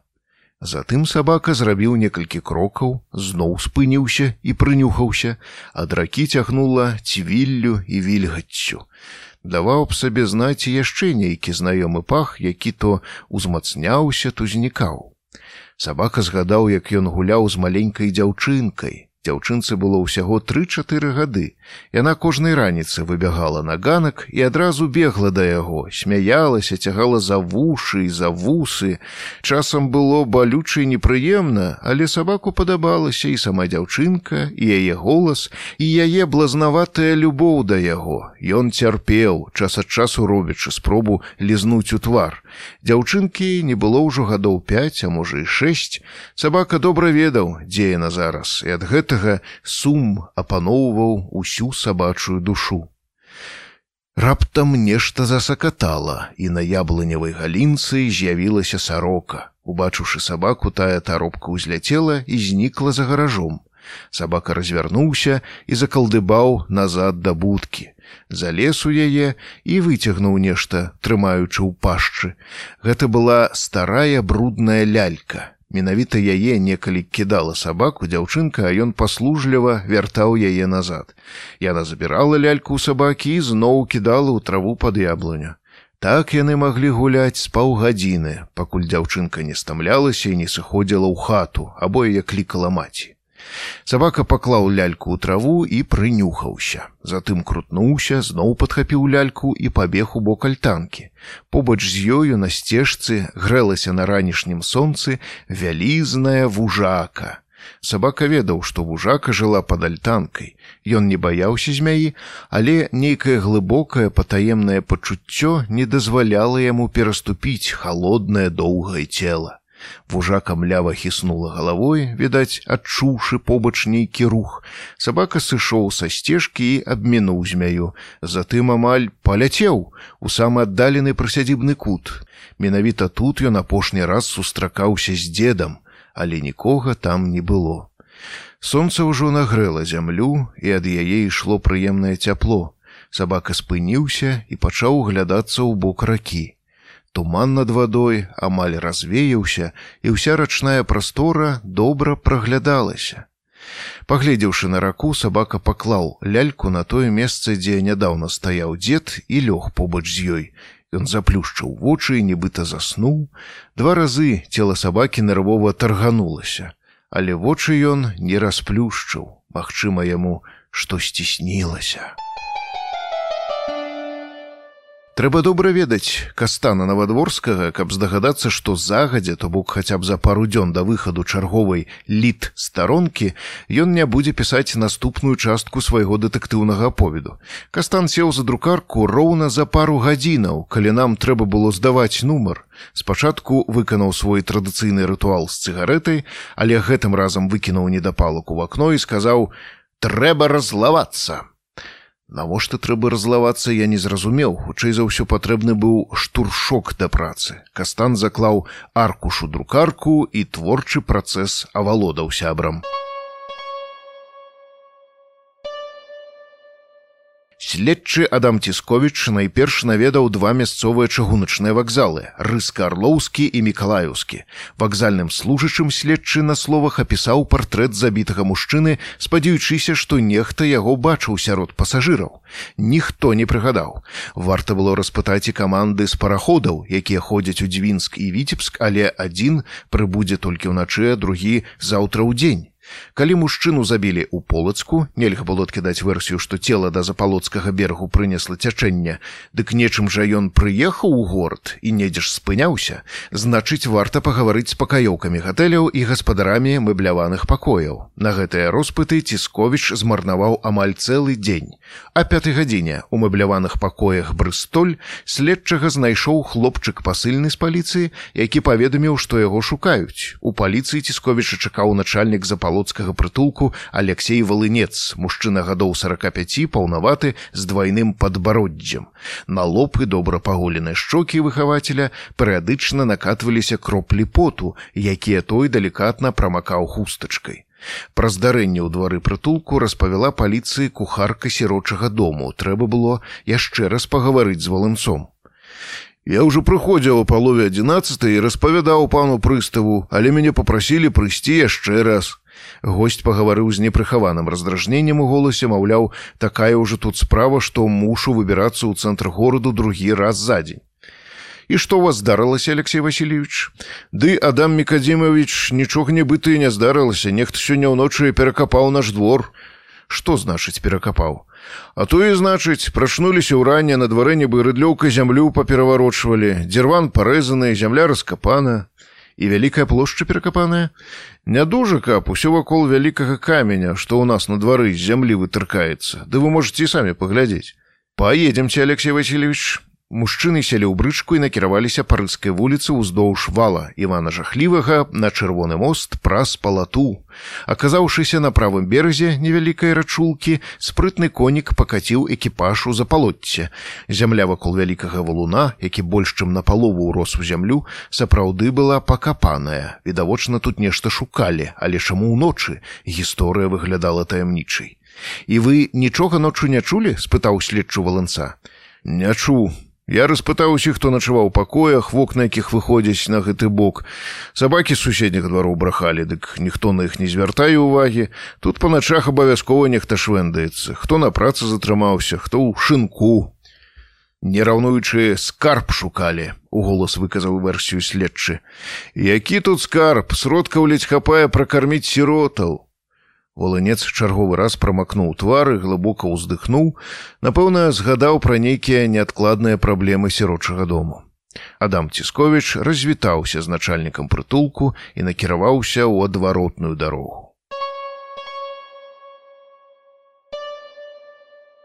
Пасля таго, як Івана Зяновіча заінтрыгавала бацькава мапа за палоцця, ён вырашыў падчас жнівеньскага адпачынку наведаць полацак. Іван дабраўся чыгункай да віцебску, купіў квіт на параход і скіраваў полацак. Ён даўно мараў пра гэткую выправу па дзвіне. На параходзе ён і пазнаёміўся з юнаком ігнатам смыкам, які вяртаўся да хаты. Хлопец вучыўся ў віцебскай фельчарскай школе. Часу на размовы было багата, параход герой, на якім яны кіраваліся ў старую крыўскую сталіцу, мусіў скінуць трап на полацкі прычал толькі ўвечары. Маладыя людзі сядзелі на палубе першай клясы, разглядалі прырэчныя краявіды і няспешна гутарылі. Неяк незаўважна размова перайшла на тэмы гісторыі. Усё ж полацак гэта каталіцкі горад, прынамсі тое, што мы зараз маем, гэта плён менавіта каталікоў, задуменна прамовіў ігнат смык. Ягоныя рэдкія саламянага колеру валасы былі хаатычна разбэрсаны ветрам. Хлопец спрабаваў іх утаймаваць рукой але безвынікова ну не толькі але ж і уніятаў таксама адказаў яму зянович вось і сафійскую царкву менавіта уніяты аднавілі і што з таго? Якім чынам гэта паўплывала на лёс гораду? Ігнат ажывіўся нібыта меў пэўнае перакананне якія мусіў бараніць Уніяты працавалі з простымі людзьмі, звярталіся да іх на тутэйшай зразумелай мове. Згодны ў іх не было ніякай падтрымкі сярод мясцовай арыстакраты, ды ў варшаве таксама, таму здавалася, што яны былі на другім пляне, але уніяты мелі перспектыву зрабіцца вялікай сілай, народнай царквой. Аднак прыйшла расійская ўлада і разгнала уніятаў. Перспектыву яны мелі б, калі б гэты край набыў самастойнасць. У нашай сітуацыі беларусы мусілі выбіраць паміж праваслаўем і лацінізмам, паміж перспектываю захаду і перспектываю ўсходу. Але гэта значыць выбіраць не свой лёс, калі тутэйшыя людзі адчуюць патрэбу ва ўласным лёсе, дык змены пачнуцца імклівыя. Гэтым і трэба займацца, тлумачыць і колькі часу давядзецца тлумачыць? Прасцей і хутчэй зрабіў стэфан баторы. Иван зянович посміхнуўся ён узняў вочы на суразмоўцу затрымаў позірк помаўчаў некалькі хвілін напэўна думаючы пра нешта асабістае і годна прамовіў. А менавіта мой продак полацкі кашталян юры зянович разам з каралём баторыем вызваляў ад маскавітаў полацак. Праўда Гэтае слово ў ігнат атрымалася расцягнутым з нейкім таемным прыдыханнем. Але дзе вашыя маёнткі і землі, няўжо вам нічога не дасталося ад тае перамогі? У тым і праблема, што нічога не дасталося. Нават сямейная рэліквія залаты кубак самога баторыя недзе згубіўся ў полацку. Маладыя людзі змоўклі, кожны паглыбіўся ў свае думкі, а ігнат смык падумаў: напэўна, едзе ў полацак шукаць кубак. У полацку маладыя людзі развіталіся, але дамовіліся абавязкова сустрэцца. Ігнат паведаміў новаму знаёмаму свой адрас. Іван Зянович пераправіўся на пароме на іншы левы бераг ракі ў задзвіння, узяў рамізніка і накіраваўся да сястры маці Клаўдзі Каптюх, якая жыла ў невялікім фальварку ў казьянках.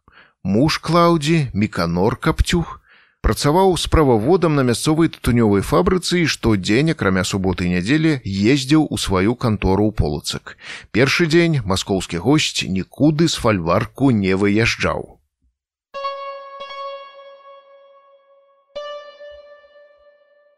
Адам Цісковіч вельмі сур'ёзна паставіўся да незвычайнага здарэння, якое адбылося на двары запалоцкага прытулку. Найперш яго насцярожыла невялікая адлегласць ад сірочага дому да месца знаходкі трупа. Нейкая сувязь паміж гэтымі звёнамі падзей мінулых сутак відавочна была, але якая? На другі дзень следчы працягваў роспыты сярод рамізнікаў і гандляроў. Гандляр у адной з кнігарняў прыгадаў, што на мінулым тыдні мужчына з радзімкаю на скроне купіў у яго кнігу Івана Далгова, полацкі кадецкі корпус. Маўляў, было відаць адразу, што чалавек не тутэйшы уцікавіўся выданнямі па гісторыі полацку. З пачутай інфармацыі следчы цісковіча зрабіў дзве высновы.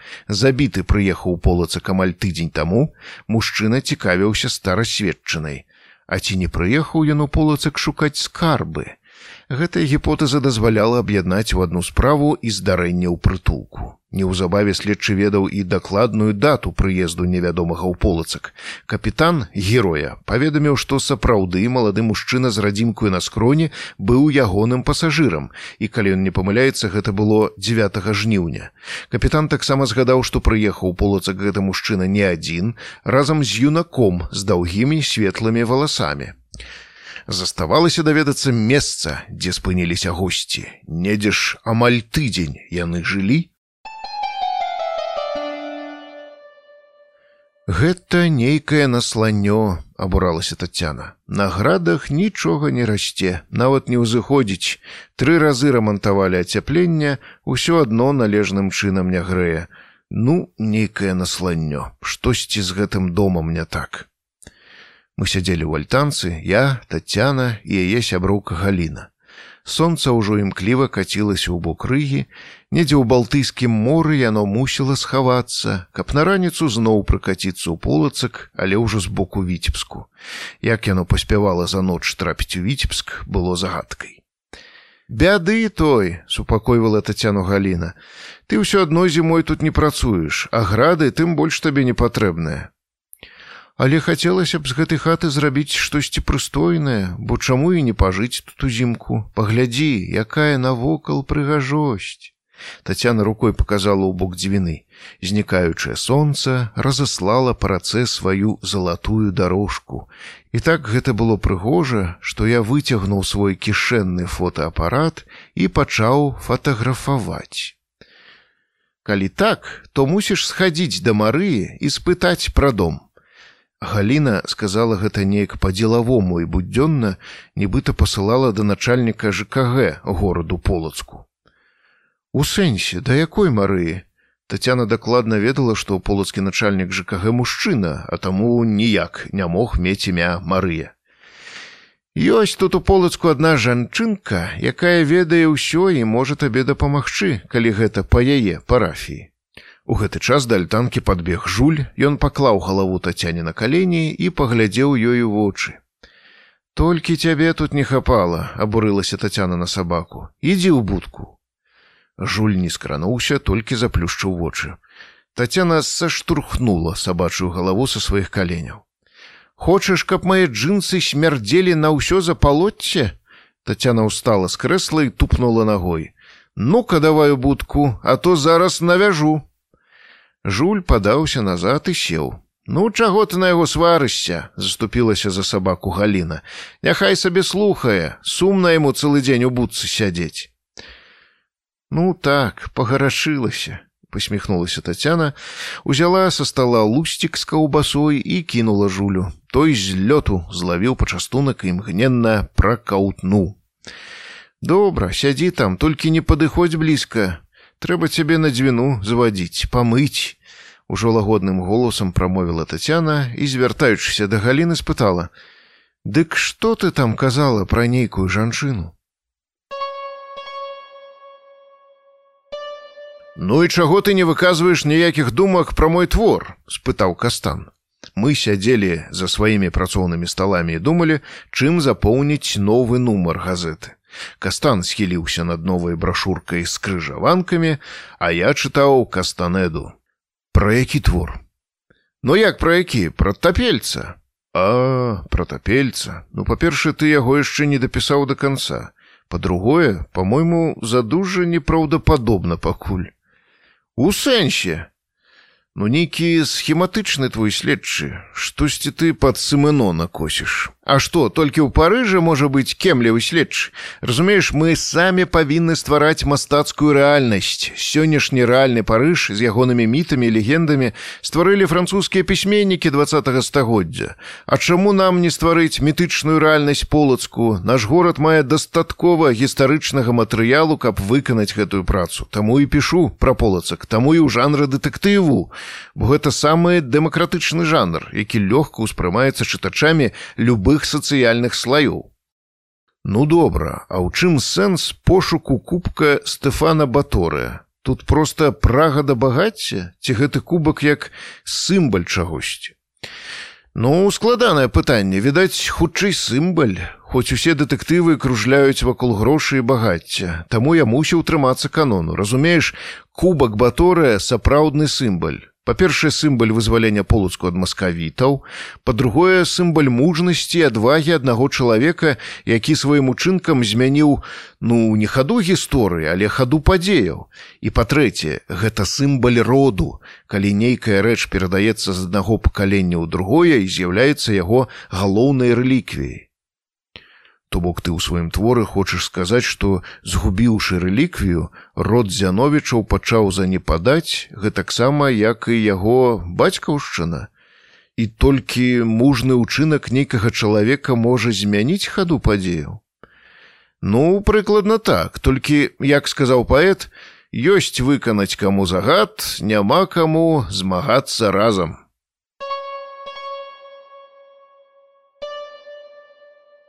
Тацяна начапіла жулю на нашыйнік ланцужок і павяла да дзвіны.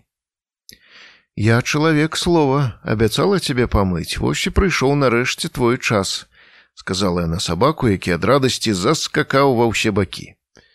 Толькі без асаблівых эмоцыяў і лізання, сувора папярэдзіла Тацяна ахоўніка сядзібы. Яны выйшлі са свайго завулку на галоўную вуліцу запалоцця і рушылі ў бок мастка да сафійкі. На масток не ўзняліся, а спусціліся ўніз да сутокі палаты з дзвіной. Жуль намагаўся ісці стрымана, без рукоў з сабачага хвалявання, але па яго вачох было відаць, што зараз даў бы лататы з усіх чатырох лап у бок вялікай ракі. Тут амаль нікога не было. На супрацьлеглым беразе палаты ўздоўж берага да мастка ішоў хлопец з дзяўчынай. Бліжэй да дзвіны, бо трава там не такая густая высокая, дакладней там ужо не было ніякай травы, толькі пясок. Тацяна заўважыла вялікі саламяны капялюш зрабіўшы яшчэ крокаў 10-15 побачыла бабульку якая сядзела на зэдліку і чытала кнігу. Татяна неаднойчы сустракала яе тут. Тая пасвіла сваіх чатырох кос якія блукалі па беразе але нідзе не маглі згубіцца. З аднаго боку была рака а з другога платы сядзібаў за палачанаў добрый дзень павіталася татяна з бабулькай калі параўнялася з ёю добры адказала бабулька адарвалася ад чытання і пачала разглядаць парушальнікаў яе самоты. Тацяна прамінула бабульку і адразу не здымаючы сланцаў зайшла па калена ў раку. Для сабакі гэта было значна вышэй калена. Вызваляць ад ланцужка ахоўніка сядзібы Тацяна не збіралася бо ведала што той пачаў бы як шалёны наразаць кругі і наўрад ці пагадзіўся б вяртацца да хаты ў бліжэйшыя тры-чатыры гадзіны Тацяна нахілілася і пачала абліваць сабаку вадой. Той толькі мружыў вочы і перыядычна атрэсваўся, пырскаючы вадой на гаспадыню. Тацяне гэта зразумела, не падабалася, яна сварылася на сабаку, але той толькі пракудліва мружыў вочы і зноў атрасаўся, нібыта знарок. За ўсім гэтым з цікавасцю назірала бабулька. Калі тацяна і жуль выйшлі на бераг і параўняліся з бабулькай, тая запыталася: « А гэта ваш сабака? Вядома мой, калі я прыйшла з ім, з усмешкай адказала Тацяна. Разумны сабака, неяк дзіўна прамармытала бабулька. Чаму разумны? Тацяна чакала пачуць, што заўгодна пра свайго шкодніка сябра нават скаргу, але не гэта. Таму што шмат ведае, яшчэ больш загадкава адказала бабулька і вярнулася да чытання.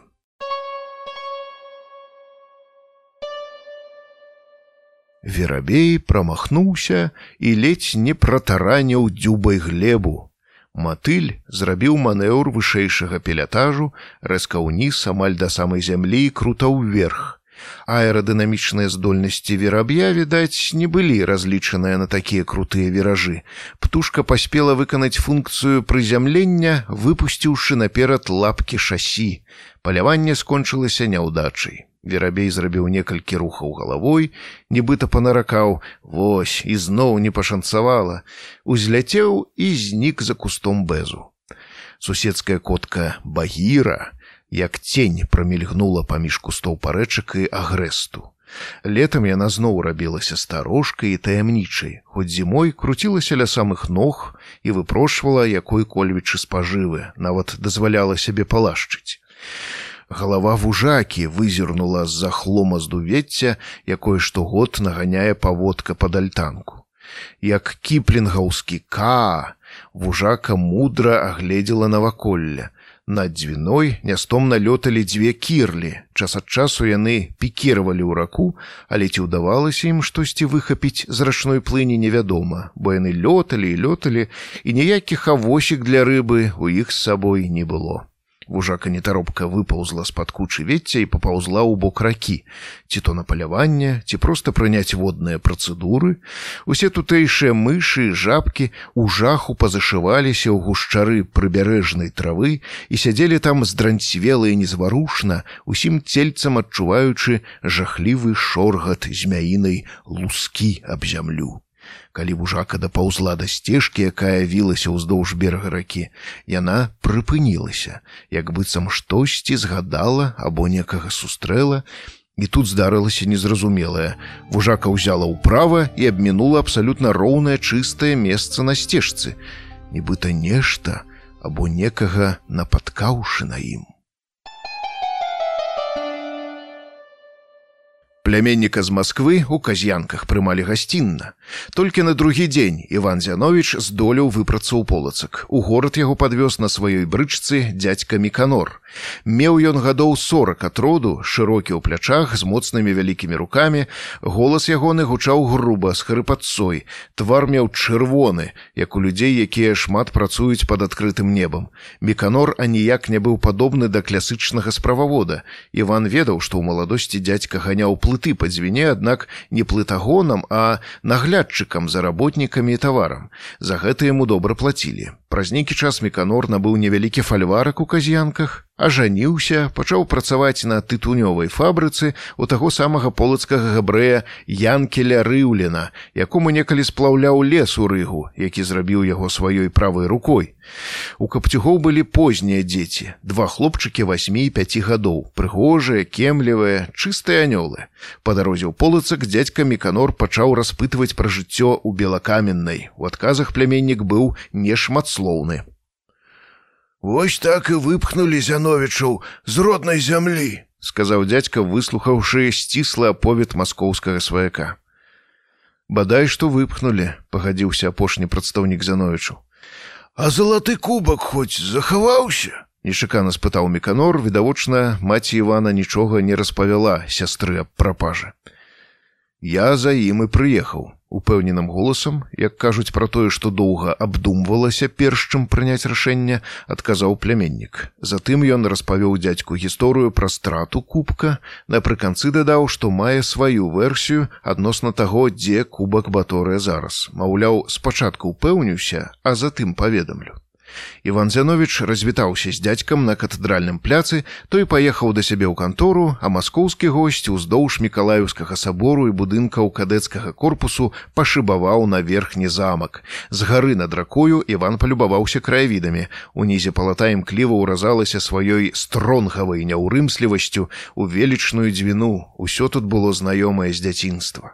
З дапамогаю паромнай пераправы Іван апынуўся ў запалотці. Махіроўскай вуліцай ён пакрочыў у цэнтр пасаду, дзе сярод драўляных дамкоў стаяў цагляны будынак сірочага дому. Праз пяць хвілін ён ужо бачыў в акно пакоя, у якім некалі жыў сам. Звяртаць на сябе ўвагу мясцовых жыхароў было не ў ягоных інтарэсах, таму Іван папросту прыцішыў хаду і пачаў пільна глядаць двор прытулку. Там, дзе на мапе быў намаляваны крыжык літара К, ляжаў вялізны валун, на палову схаваны ў зямлю. Літарака магла азначаць і камень, Але навошта было бацьку пазначаць валун, іх у запалотці шмат. Тады чаму на мапе пазначаны толькі гэты, ці не закапаў ён пад ім кубак. Гэтая думка пачала зумкаць у галаве, як заляцелы ў пакоя вадзень, шукаючы выйсця на волю. Вярнуўшыся ў казянкі, Іван пачаў распрацоўваць плян. Наступнага дня ён застаўся ў фальварку, трэба было вызначыцца са стратэгіяй. Шукаць кубак прыйдзецца ноччу, было б някепска, каб быў памагаты. На пытанне дзядзькі міканора пра кубак Іван адмоўна пахітаў галавой. Чамусьці браць яго з сабой на пошукі сямейнай рэліквіі пляменніку не хацелася. Іван адчуваў, што дзядзька ў душы абвінавачваў зяновічаў у мяккацеласці і недзелавітасці. Вось ён і іншая справа. Калі б гэта міканор капцюх меў тую маёмасць, што належала некалі зяновічам, дык не прафукаў бы яе нізавошта, зубамі б грыз, але не прафукаў. Гэтая прыхаваная пыха дзядзькі пакрыўдзіла самалюбства Івана. Малады Зяновіч быў упэўнены, што адшукае кубак без яго дапамогі і гэтым прадэманструе былому сплаўшчыку леса, чаго вартыя зяновічы. 13 жніўня Іван зноў паехаў полацак, гэтым разам яго падвёз на брычцы работнік капцюгоў сівы габрусь. У цэнтры гораду Іван пачаў шукаць плігаўскую вуліцу, на якой жыў ігнат смык. Студэнта з параходу герой ён заспеў дома. Яны парукаліся як старыя сябры. Юнак запрасіў зяновіча на гарбату. Бацькоў ігнату ў кватэры не было, летам яны жылі ў сваім загарадным доме. Ці пазналі Іван Сцяпанович полацак, дзе былі, што бачылі? Іван засыпаў пытаннямі госця. Быў на катэдральным пляцы на верхнім замку, ось набыў кнігу далгова пра кадэцкі корпус. Па-ранейшаму кожны куток полацку дыхае мінуўшчыны. Сучаснасці заўважыў мала. Маеце рацыю, сучаснасць полацак абмінае. Няўхільна крыўская сталіца ператвараецца ў сярэднестатыстычнае мястэчка. Полацкія скарбы разрабаваныя, а тое, што не здолелі чужынцы адсюль павывозіць, схавана недзе глыбока і надзейна. Як, напрыклад, кубак баторыя. Гэтае слово ігнат прамовіў голасам чалавека, які далучаны да вялікай таямніцы. Іван сумеўся, запытальна зірнуў на будучага фельчара і сказаў: « Спадзяюся, кубак папросту чакае свайго законнага ўладальніка і я гатовы вам дапамагчы вярнуць сямейную рэліквію. Госць падаў юнаку руку, і яны абмяняліся моцным мужчынскім поціскам далоняў. Таго ж дня хаўруснікі абмеркавалі плян пошуку кубка. Аднак Іван не паведаміў дэталі аперацыі, сказаў толькі, што на справу выйдуць ноччу і пры сабе трэба мець рыдлёўку. Прызначыў таксама час і месца сустрэчы. Ігнат не задаваў лішніх пытанняў.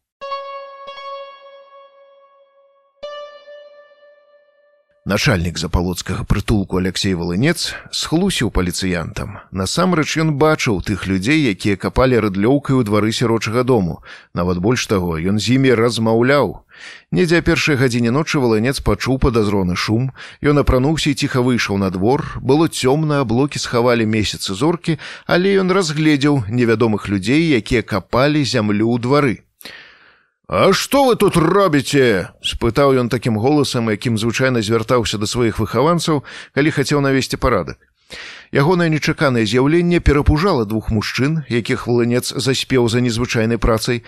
Яны нават памкнуліся бегчы, але прыкмеціўшы, што да іх набліжаецца толькі адзін чалавек, засталіся на месцы. Дык што вы тут робіце? Паўтарыў сваё пытанне начальнік прытулку.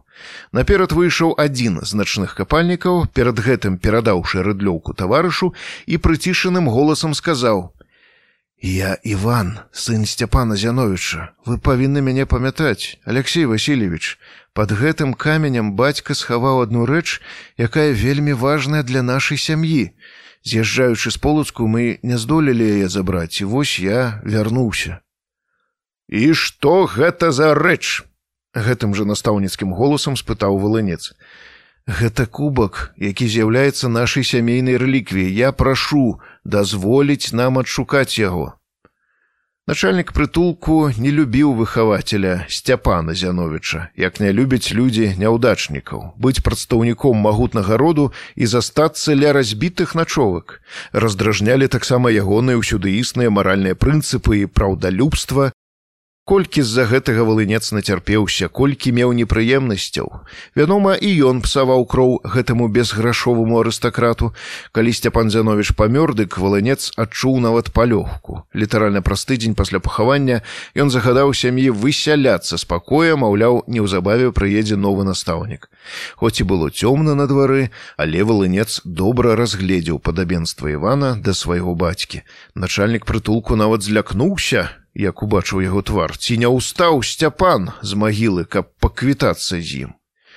Як доўга вы будете псаваць наш двор? Гэта адзінае што ён здолеў прыдумаць за лічаны секунды. Пакуль не знойдзем адказаў иван зянович а калі я вам не дазволю? Раўналежна з прамаўленнем гэтых слоў у галаве валанца з'явілася думка я і сам змагу адшукаць ваш кубак дазволіш нікуды не дзенешся Нечакана, як пярун сярод яснага неба грымнуў ззаду валанца грубы сіпаты голас. У гэты ж самы час у спіну нешта балюча кальнула. Валынец не памыліўся. Гэта быў лёгкі, толькі каб застрашыць дотык вастрыя ножа. Як думаеш, які галоўны міт полацку? спытаў мяне кастан, калі мы разам вярталіся з працы. Думаю, пра князюся слава чарадзея, адказаў я адразу, не раздумваючы. А чаму так думаеш? Тут усё проста, па-першае, пра яго напісана ў слове палку ігаравым, па-другое, яго асоба добра металігізаваны ў літаратуры, пра ўсяслава хто толькі не пісаў ад Ларысы Генію ж да Владзіміра Арлова. Па-трэцяе, уся гэтая металюгія ўжо замацаваная ў бронзе ў якасці коннага помніку. Можа і маеш рацыю, толькі ва ўсёй гэтай гісторыі адна дзіўная рэч. Якая? А дзе пахаваны вялікі князь полацкі, пра якога ў адзінацатым стагоддзі ведала ўся ўсходняя і цэнтральная Еўропа. Як пісалі ў некаторых пахаронках, месца пахавання на сённяшні дзень невядома. А табе не падаецца дзіўным, што не захаваліся звесткі пра месца пахавання такой значнай асобы ў легендах і паданнях.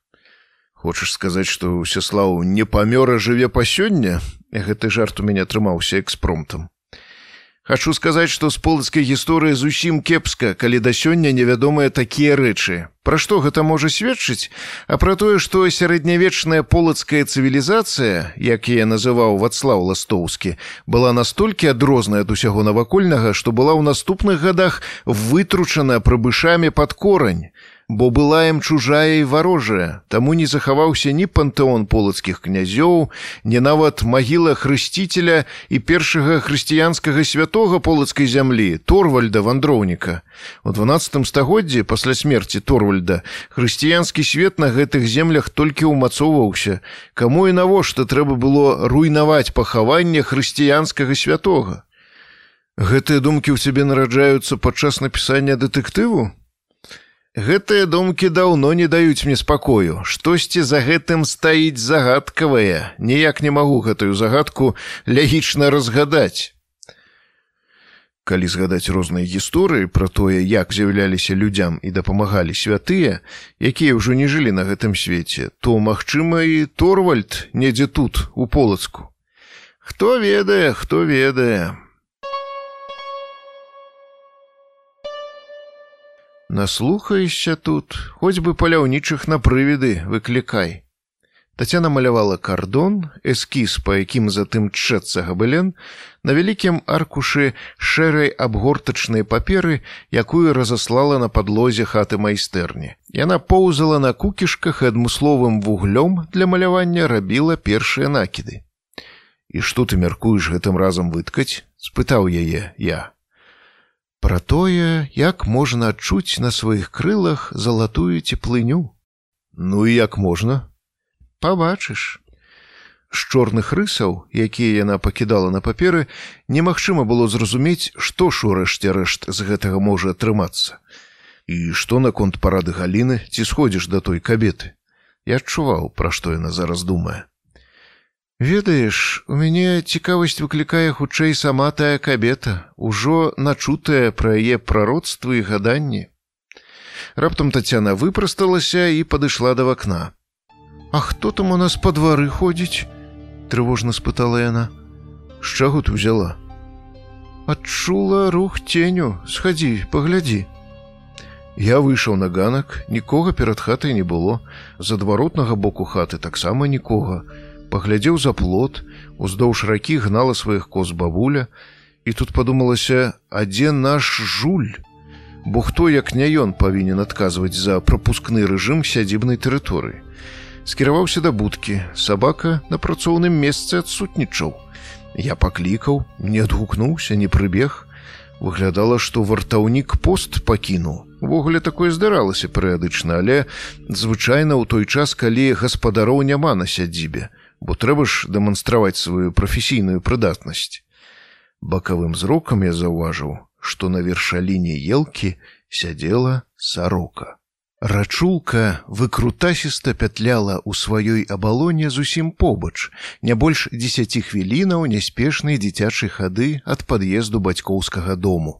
Яна была амаль хатняй. З раніцы ідзеш на рыбалку, абедаць вяртаешся да хаты і зноў знікаеш з вудамі да самага вечару, дакладней да вячэры.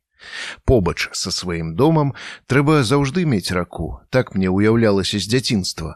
Навошта рака ў дарослым веку? Гэткае пытанне ў мяне яшчэ не ўзнікала. Рака, як працяг тваёй дзіцячай прасторы, гэта значна лепш, чым розныя сучасныя кампутарныя гульні і мультсерыялы. Але гэтая прастора абавязкова мусіла знаходзіцца побач з домам. Дом і рака павінны быць злучаныя пупавінай і тады дом робіцца працягам ракі, а рака працягам дома. І толькі пазней, калі пройдзе шмат гадоў, ты зразумееш, што нічога не вечна ў гэтым свеце, і самае трагічнае і дом і нават рака. Не, рака так хутка не знікае, але робіцца іншай. І ты, наведаўшы праз шмат гадоў свае родныя мясціны, ледзь пазнаеш яе. Цябе здзіўляе не тое, што яна стала значна плытчэйшай. З мосту ты бачыш дно ў любым месцы ракі, але нейкай чужой, няхайна зарослай водарасцямі, са зніклымі стромкімі берагамі, з якіх раней можна было даваць нырца ў ваду. І самае дзіўнае, нечаканае і неверагоднае, ты з прыкрасцю заўважаеш, што яна змяніла канфігурацыю свайго рэчышча. Ты не пазнаеш гіерогліфы, якія рачу чулка пакідала в абалоне за часамі твайго дзяцінства, няма той вытанчанасці, той дакладнасці прамалёўкі вялікага майстра. Але ўсё адно ты любіш гэтую раку. Хоць, як кажуць мясцовыя рыбакі, у рачулцы амаль зніклі галаўлі і ліні, твоя любимая рыба дзяцінства. Калі няма ў рачулцы гэтай рыбы, то што тут рабіць і табе? Ты не верыш пабачнаму, мусіш яшчэ раз пераканацца. Увечары зноў ідзеш да рачулкі шукаць страчанае, шэрань паціху затушоўвае далягляд, змярканне насоўваецца так хутка, як у кінотэатры твайго дзяцінства знікала святло. Яно цьмянела паступова, і табе тады здавалася, што за дужа паступова, але насамрэч гэтае змярканне доўжылася не больш за хвіліну, і пачынаўся спачатку кіначасопіс, часам пазнавальны і займальны, напрыклад пра тое, што не варта верыць розным шарлатанам, якія абвяшчаюць сябе празарліўцамі і чараўнікамі, нават могуць паказаць, як праводзяць над імі вопыты, як яны памыляюцца, як нічога ў іх не атрымліваецца, поўны канфуз. І дыктар сталёвым упэўненым голасам выкрываў шарлатанаў і навучаў гледачоў не верыць у розныя містыфікацыі і прыдумкі цёмных людзей. Але як не верыць рачулцы, якая ўмее гаманіць, І ты амаль у змроку, які шчыльна ахутвае наваколле, пазнаеш гэты голас. Хо, думаеш, не вер вачам сваім, сутнасць хаваецца недзе за візуальным, яе немагчыма ўбачыць, яе можна адчуць шостым, сёмым, нейкім іншым пачуццем, якое не мае назвы, якое немагчыма патлумачыць і апісаць. Мы ляжалі з кастанам у траве і глядзелі ў неба. Па небе беглі бухматыя аблокі. Гаваркія вольхі штосьці нам нашэптвалі, але мы не слухали іх. Нас удвох пакінулі на гаспадарцы. Усе астатнія на чаўнах з'ехалі па дабычу, па рыбу. Перад гэтым мы супольна заснавалі букмекерскую кантору і ўсё паставілі на сваіх магчымых пераможцаў. Штогод наша сябрына выбіралася на адну з выспаў, якіх шмат на беларускіх азёрах, і там жыла некалькі дзён. Гэтым разам мы атабарыліся на выспе возера Нешчарда. Таго самага легендарнага, з берагу якога паходзіў галоўны чараўнік беларускай літаратуры Ян Баршчэўскі. Мы з кастанам ляжалі ў траве і не збіраліся ў бліжэйшую гадзіну нічым займацца. Ты можаш сабе ўявіць, як тут на выспе жылі людзі. Гэта табе нават не хутар, вакол вода, а выспа невялікая, разважаў кастан, гледзячы ў неба. На выспе дакладна раней жылі людзі, пра што сведчылі рэшткі падмурка хаты. Затое ні табе старшыні калгаса, ні нават брыгадзіра, сам сабе гаспадар, падтрымаў я разважанне сябра. Мне сапраўды было цікава ўявіць, як тут жылі людзі сярод возера, рабінзоны крузы з уласнага жадання. Але як на маю думку сумнавата. Кастан прыбіў на сваім жываце авадня. Мясцовыя інсекты відавочна былі незадаволеныя нашым лайдацтвам. Гэта ж не сённяшняе жыццё, калі ў выходным прачнуўся і не ведаеш чым заняцца. У часы натуральнай гаспадаркі не было вольнага часу, хіба што зімой, але і тады хатніх жывёл і птушак пакармі, дроўна рыхтуй, сена прывязі з вялікай зямлі, справа заўжды знойдзецца. Гэтае возера мне уяўлялася вялікай грамафоннай кружэлкай, на якой запісаны тысячы мільёны розных гісторый, песень, легенд чалавечых лёсаў, толькі дзе ўзяць такі прайгравальнік, на якім можна паслухаць усё гэта. Хіба Ян Баршчэўскі быў апошнім з мясцовых магіканаў, хто меў да гэтай крыніцы інфармацыі неабмежаваны доступ. Цікавы яшчэ і металагічны бок іх жыцця. У сэнсе спытаў я сябра ты хочаш сказаць ці верылі яны ў дамавікоў і прывідаў? Ну штосьці такое. Думаю яны хутчэй верылі ў вадзяніка і лесавіка якія маглі ўплываць і на іх гаспадарку і на ўласныя лёсы. А ўрэшце пра тое у што яны верылі можна прачытаць у яна баршчоўскага хто хто? А гэты чарадзей слова меў багатыя веды у фальклорна металагічнай справе Далей нашу эзотэрычную гаворку прыпынілі мясцовыя інсекты, якія з падвойным імпэтам заатакавалі двух лайдакоў, што ляжалі ў траве на выспе возера Нешчарда. Мы паўскоквалі на ногі, адбіваючыся ад аваднёў і пасунуліся да намётаў за вопраткай. Далей трэба было навесці хоць нейкі парадак у лягеры, развесці вогнішча, згатаваць вермішэляў па-флоцку і чакаць рыбу для юшкі. У рыбным спаборніцтве перамог адзін наш сябар, які адразу накіраваў свой човен у вёску мурагі і купіў там у мясцовых вядро рыбы.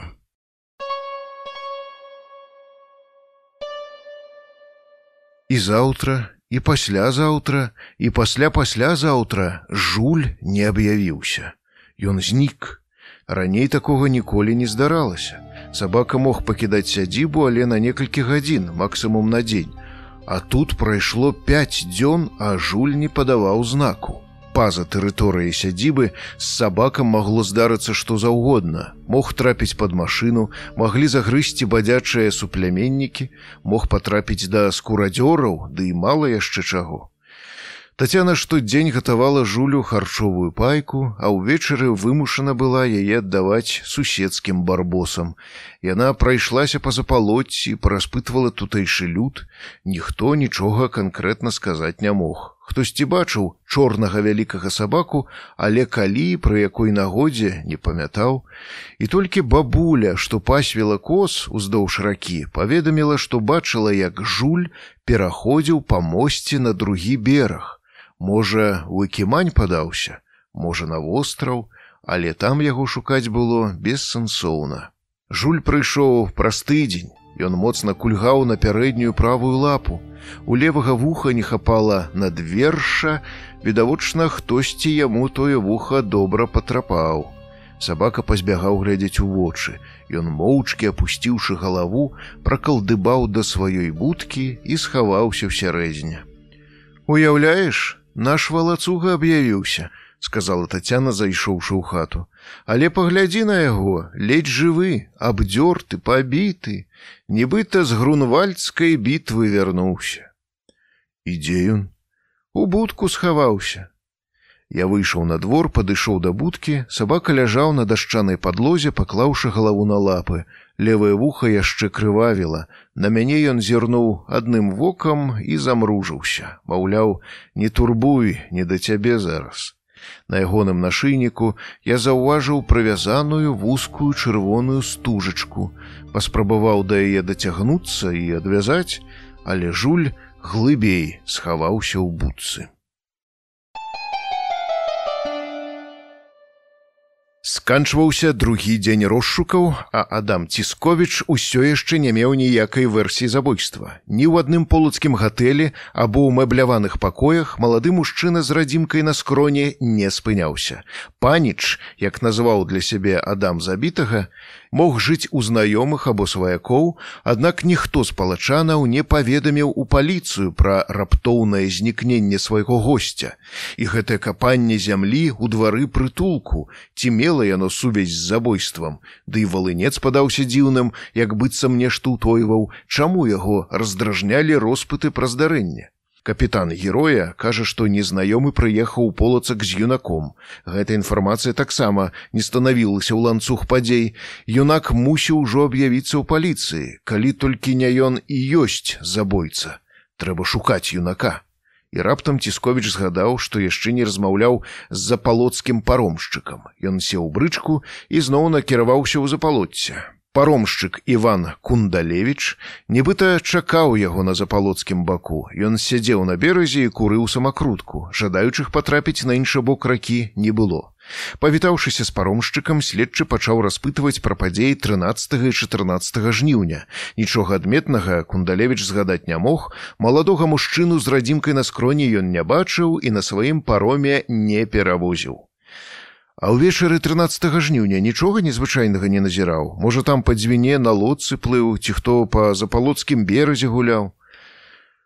Плавалі, бачыў, праўда, здалёк, позна ўвечары ўжо змяркалася.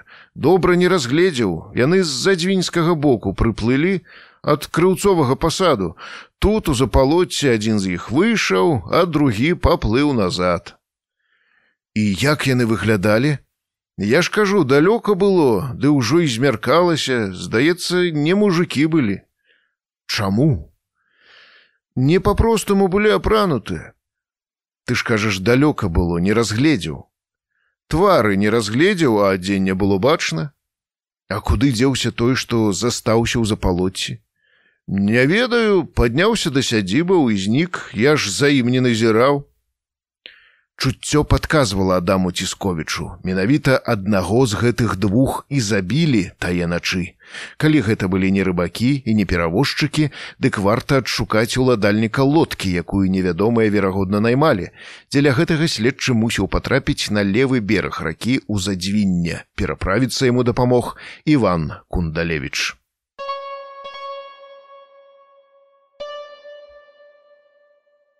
Ад самага пачатку калі вандроўка толькі задумвалася иван зянович меркаваў прабавіцца ў полуцку не больш тыдня. Раніцай 13 жніўня госць паведаміў сваякам цётцы клаўдзі дядзьку меканору што заўтра начным цягніком мусіць вяртацца ў москву сваякі паўшчувалі пляменніка за хуткі ад'езд. Мушу быць на працы патлумачыў малады маскоўскі юрыст. З дядзькам меканорам госць пагутарыў асобна таемна Я спадзяюся на вашу дапамогу. Адразу, без якіх-кольвічы прэамбул, звярнуўся Іван да дзядзькі. Былы сплаўшчык лесу запытальна паглядзеў у вочы пляменніку. Уночы перад ад'ездам я мушу зрабіць адну справу. Мне трэба, каб вы сёння адшукалі човена позна ўвечары, калі паромы спыняць працу, пераправілі мяне ў запалоцце. Гэта звязана з кубкам? Так, Дядька Міканор пільна паглядзеў у вочы Івану, працягнуў руку і прамовіў: « Дамовіліся. У гэты ж дзень меканор капцюх знайшоў лодку, гаспадару сказаў, што збіраецца наладзіць начную рыбалку на самоў. Развітаўшыся з цёткай Клаўдзіі, Іван Зянович сеў меканораву брычку і яны ўдвух пакацілі ў бок полацку. Сонца ўжо пачало заходзіць, да задзвіння даехалі без прыгод. Меканор спрабаваў разгаварыць пляменніка, але той выглядаў зацята напружаным, унураным у свае думкі. Гутарка не атрымлівалася. Не распрагаючы каня брычку пакінулі ў двары гаспадара лодкі. У дамоўленым месцы меканор знайшоў падрыхтаваны для яго човен, вёслы яны прынеслі з сабой. Іван попрасіў дзядзьку толькі аб адным перавесці яго на другі бераг, праўда, высадзіць не каля верхняга замку, а ў запалотці, маўляў, больш ніякай дапамогі не трэба. У запалоце яго павінен быў чакаць ігнат смык, але пра гэта Іван дзядзьку вядома не паведаміў. Менавіта ігнат прынёс рыдлёўку, сустрэліся яны на беразе палаты, шчакалі яшчэ якую гадзіну, каб запалоцкі пасад зусім аціх і асцярожна пайшлі ў бок сірочага дому. Іван толькі пачаў капаць, як начальнік прытулку Алексей Валынец перапыніў іх пошукі. З'яўленне яшчэ адной дзейнай асобы, да яшчэ з ножом у руцэ стала поўнай нечаканасцю для ўсіх траіх. Твар невядомага хавала хустка. Стой ціха і маўчы! Іван пазнаў голас. Гэта быў дзядзька міканор Раптам ігнат смык, які перапужаўся начнога прывіду не менш за валанца, кінуў рыдлёўку і пабег уздоўж цэнтральнай запалоцкай вуліцы ў заходні бок пасаду. Услед яму забрахалі некалькі сабак. Спыніць юнака Іван не наважыўся, бо тады мусіў неяк тлумачыць з'яўленне дзядзькі міканора, які відавочна не хацеў, каб нехта іншы акрамя пляменніка даведаўся яго імя. Няхай бяжыць, сказаў начны прывід Івану і дадаў: бяры рыдлёўку і хапай Іван падняў рыдлёўку і пачаў ёй секчы дзірван вакол валуна. Затым спяшаючыся стаў абкопваць камень з усіх бакоў. У адным месцы рыдлёўка на нешта натыкнулася. Іван асцярожна адгроб зямлю, намацаў штосьці драўлянае, стаў на калені рукамі пачаў вызваляць пяску даволі вялікую скрыню. Яшчэ колькі хвілін і скрыня аказалася ў ягоных руках. Знаходка уяўляла сабой невялікі куферак. Ён паспрабаваў яго адчыніць, але ў яго не атрымлівалася адвярнуўся, пакруціўшы ў руках скрыню, зразумеў: верхнюю дошчачку проста трэба адсунуць у бок. Зрабіўшы гэта Іван выцягнуў са скрыні нешта ўкрушанае ў тканіну, разгарнуў. У руках ён трымаў залаты кубак, які нават у гэтую цёмную ноч зіхацеў каштоўнымі камянямі. Так, гэта ён, бацькавы кубак баторыя, сказаў усхваляваны апошні прадстаўнік роду зяновічаў. На нейкі час усталявалася цішыня. Усе ў трох глядзелі на кубак адчуўшы, што начны прывід больш увагі надае знаходцы, чым яму, валынец рвануўся, спрабуючы вызваліцца ад апекі невядомага і зрабіў некалькі крокаў у бок уваходных дзвярэй прытулку. Прывід спрытна дагнаў цікача і паваліў долу, прыставіўшы нож да горла бегляка, меканор пагрозліва прасіпеў: « Яшчэ адзін рух альбо гук! Хустка зляцела з твару былога сплаўшчыка лесу і валынец пазнаў прывіда. Меканор Трафімович, гэта вы! Пудлівым голасам прамармытаў начальнік прытулку. Маўчы, сволач! Яшчэ больш пагрозліва засіпеў меканор. І што з ім цяпер рабіць? мітусілася думка ў галаве справавода тытунёвай фабрыкі рыўлена. Забіваць у гэтых абставінах пацучынага таўстуна было больш небяспечна, чымся пакідаць жывым.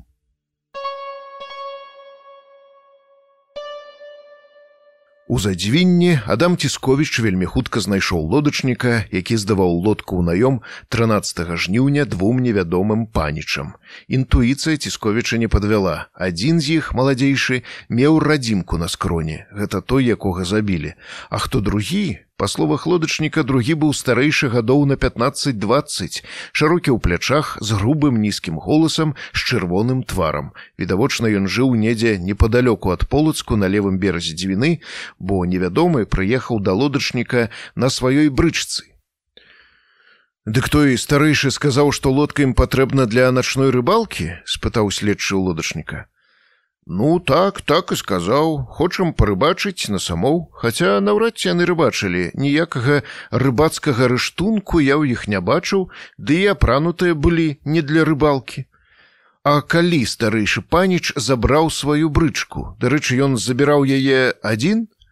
Так адзін другога не было А забраў ужо пад раніцу, прыйшоў зусім мокры, без чаравікаў, у адной кашулі, заплаціў за човен, сказаў, што перавярнуўся на сярэдзіне ракі. Перавярнуўся. Ну так, човен, вядома, знесла цячэннем, я спрабаваў яго адразу знайсці, але дарэмна. Гэта інфармацыя тое сёе праясніла. Цяпер цісковічу стала зразумела, чаму не знайшоўся мужчына з радзімкай сярод пастаяльцаў полацкіх гатэляў і мэбляваных пакояў. Паніч відавочна жыў у кагосьці са знаёмых ці сваякоў за межамі гораду ў фальварку. Аднак па-ранейшаму цісковіча не было ніводнай версіі адносна матыву забойства. Плюс з'явілася яшчэ адно мёртвае пытанне. Чаму перакуліўся, быў п'яны ці нехта паспрыяў, маглі ж човен прадзіравіць. Калі следчы ўвечары прыехаў у паліцэйскае аддзяленне, яго чакала яшчэ адна сенсацыйная вестка. Днём знайшлі забітага начальніка прытулку Алексея Валынца. Яго застрэлілі ў самым цэнтры гораду на віцебскай вуліцы.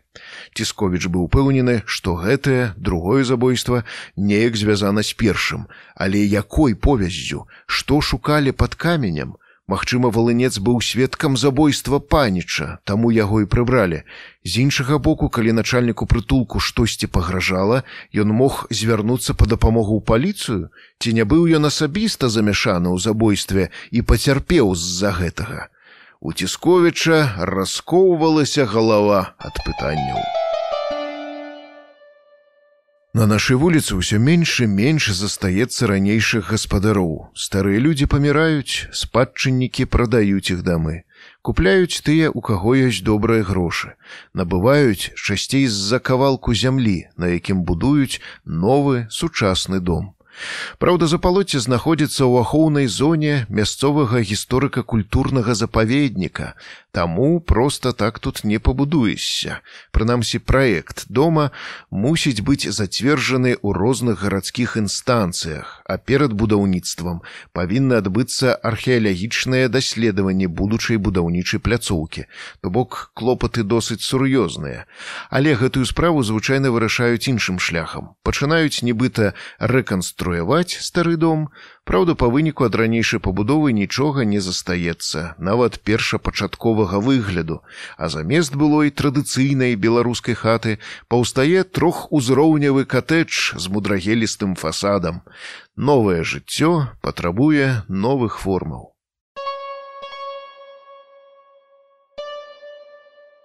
Прадплечча полацка спрадвеку запалоце, у абдымках палаты, дзвіны ды ручаёў, яшчэ і цяпер вятры з вякоў прыносяць гарматны гром і горкі дым і звон мячоў. За палатой гарышча, гэта верхні замак, сафікі гмах узнёслы і святы. Крынічка і барысаў шэры з крыжам камень, ды ўсяслававы нябачныя сляды. узнёсла прадэкламаваў паэтычныя радкі кастан, нібыта вядоўца нейкага тэлевізійнага шоу накшталт угадай мы лёдаю або пытанне на засыпку і спытаў мяне: « Ну, як думаеш, хто напісаў? Падказка, мясцовы аўтар. З метро куніцкі, адказаў я, згадаўшы першае імя мясцовага паэта, якое мне прыйшло ў галаву. У вас засталося дзве спробы. Відаць, ты Зноў памылка, здаюся. Віктор Леаненя. Добры паэт, але перадусім яго цаню як краязнаўцу, А чаго раптам табе прыйшлі ў галаву гэтыя радкі. Мы селі ў альтанцы на сядзібе, Кушыравыя блокі плылі ў бок Сафіі. На тэлевізійнай антэне, як нейкі засланы шпех, круцілася сарока і падазрона касавурыла на нас адно вока. Недзе падаль танкай скручвалася ў кола вужака з-за апошняга радку верша пра усяслававы нябачныя сляды. Уяўляеш ён недзе тут таксама хадзіў і калі той час раўналежна з нашым адбываецца і сёння то мы ходзім аднымі сцежкамі. Прамовіўшы гэта кастан засмяяўся так залівіста што небараку прабіла на кашаль. Я па-сяброўску пару разоў выцяў яго па спіне, кастан перастаў кашляць і пачаў шукаць па кішэнях пачак цыгарэт. Ну што лайдакі можа вам якую працу даць? Гэта прыйшла татяна у яе заўсёды ў запасе ёсць праца. Пакасіць прыбраць смецце падрэзаць галлё на дрэвах за плотам бо ўжо сафійкі не бачна альбо самае простае дапамагчы упарадкаваць ніткі зматаць у клубкі. Занятыя мы. Мы тут сур'ёзную справу абмяркоўваем. Ці хадзіў нашай сцежкай князь усяслаў пажартаваў я Наконт усяслава не ведаю, але вось нядаўна прыходзіў нейкі сур'ёзны з портфелем дядзечка і прасіў прадаць нашу сядзібу. Сур'ёзныя грошы прапаноўваў. І што далей? Пра гэтага дядзечку я чуў упершыню, таму моя цікавасць была не жартаўлівай. Сказала, што ў гэтым доме жывуць прывіды, таму не раю з імі звязвацца. Ці то жартам, ці то на поўным сур'ёзе адказала Тацяна. Так і сказала, А ён што? Па-дзіцячы наіўна зноў запытаўся я. Пакруціў пальцам каля скроні і сказаў, каб падумалі, пакінуў свой телефон. О, дык хутка будзеце багатымі, убіўся ў размову кастан. Дык мы і так багатыя, А вы што там казалі пра ўсяслава? Тацяна села побач з намі, взяла пачак з рукі кастана і дастала з яго цыгарету.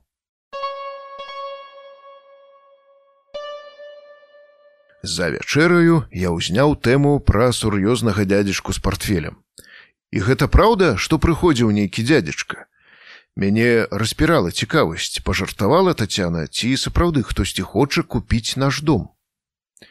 А ты хочаш прадаць сядзібу? пытанням на пытанне адказала Тацяна. Ды пакуль не, але цікава. Цікава, колькі прапановаў, 50 тысячаў даляраў прапановаў, Тацяна выпрасталася і паглядзела мне ў вочы. І што думаеш? Думаю, што сумна будзе без прывідаў. Жарт быў не зусім удалы, але прадаваць сядзібу мне сапраўды не хацелася, нават і за 100 тысячаў. І я таксама пра гэта падумала. Тацяна посміхнулася, узнялася, адчыніла кухонны шапік і дастала пляшку бэхераўкі, села на ранейшае месца. Налі крыху, ёсць размова і пра прывідаў і пра сядзібу.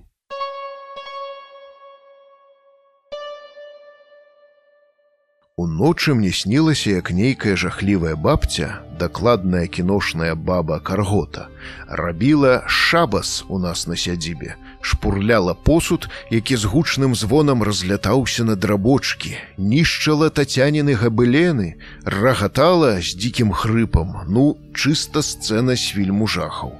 Прычым у сне я стаяў як зачараваны, як батонны слуп і не мог зварухнуцца. Баба хадзіла вакол мяне, час ад часу набліжалася ў сутыч да майго твару і сваім раз'юшаным поглядам зыркала мне прама ў вочы, ад чаго па маёй спіне не тое, што мурашы, па ёй беглі тарантулы і паўзлі гадзюкі. Тут мой дом, ты чаму прыйшоў мой дом? Раўла бабуленцая як шалёная.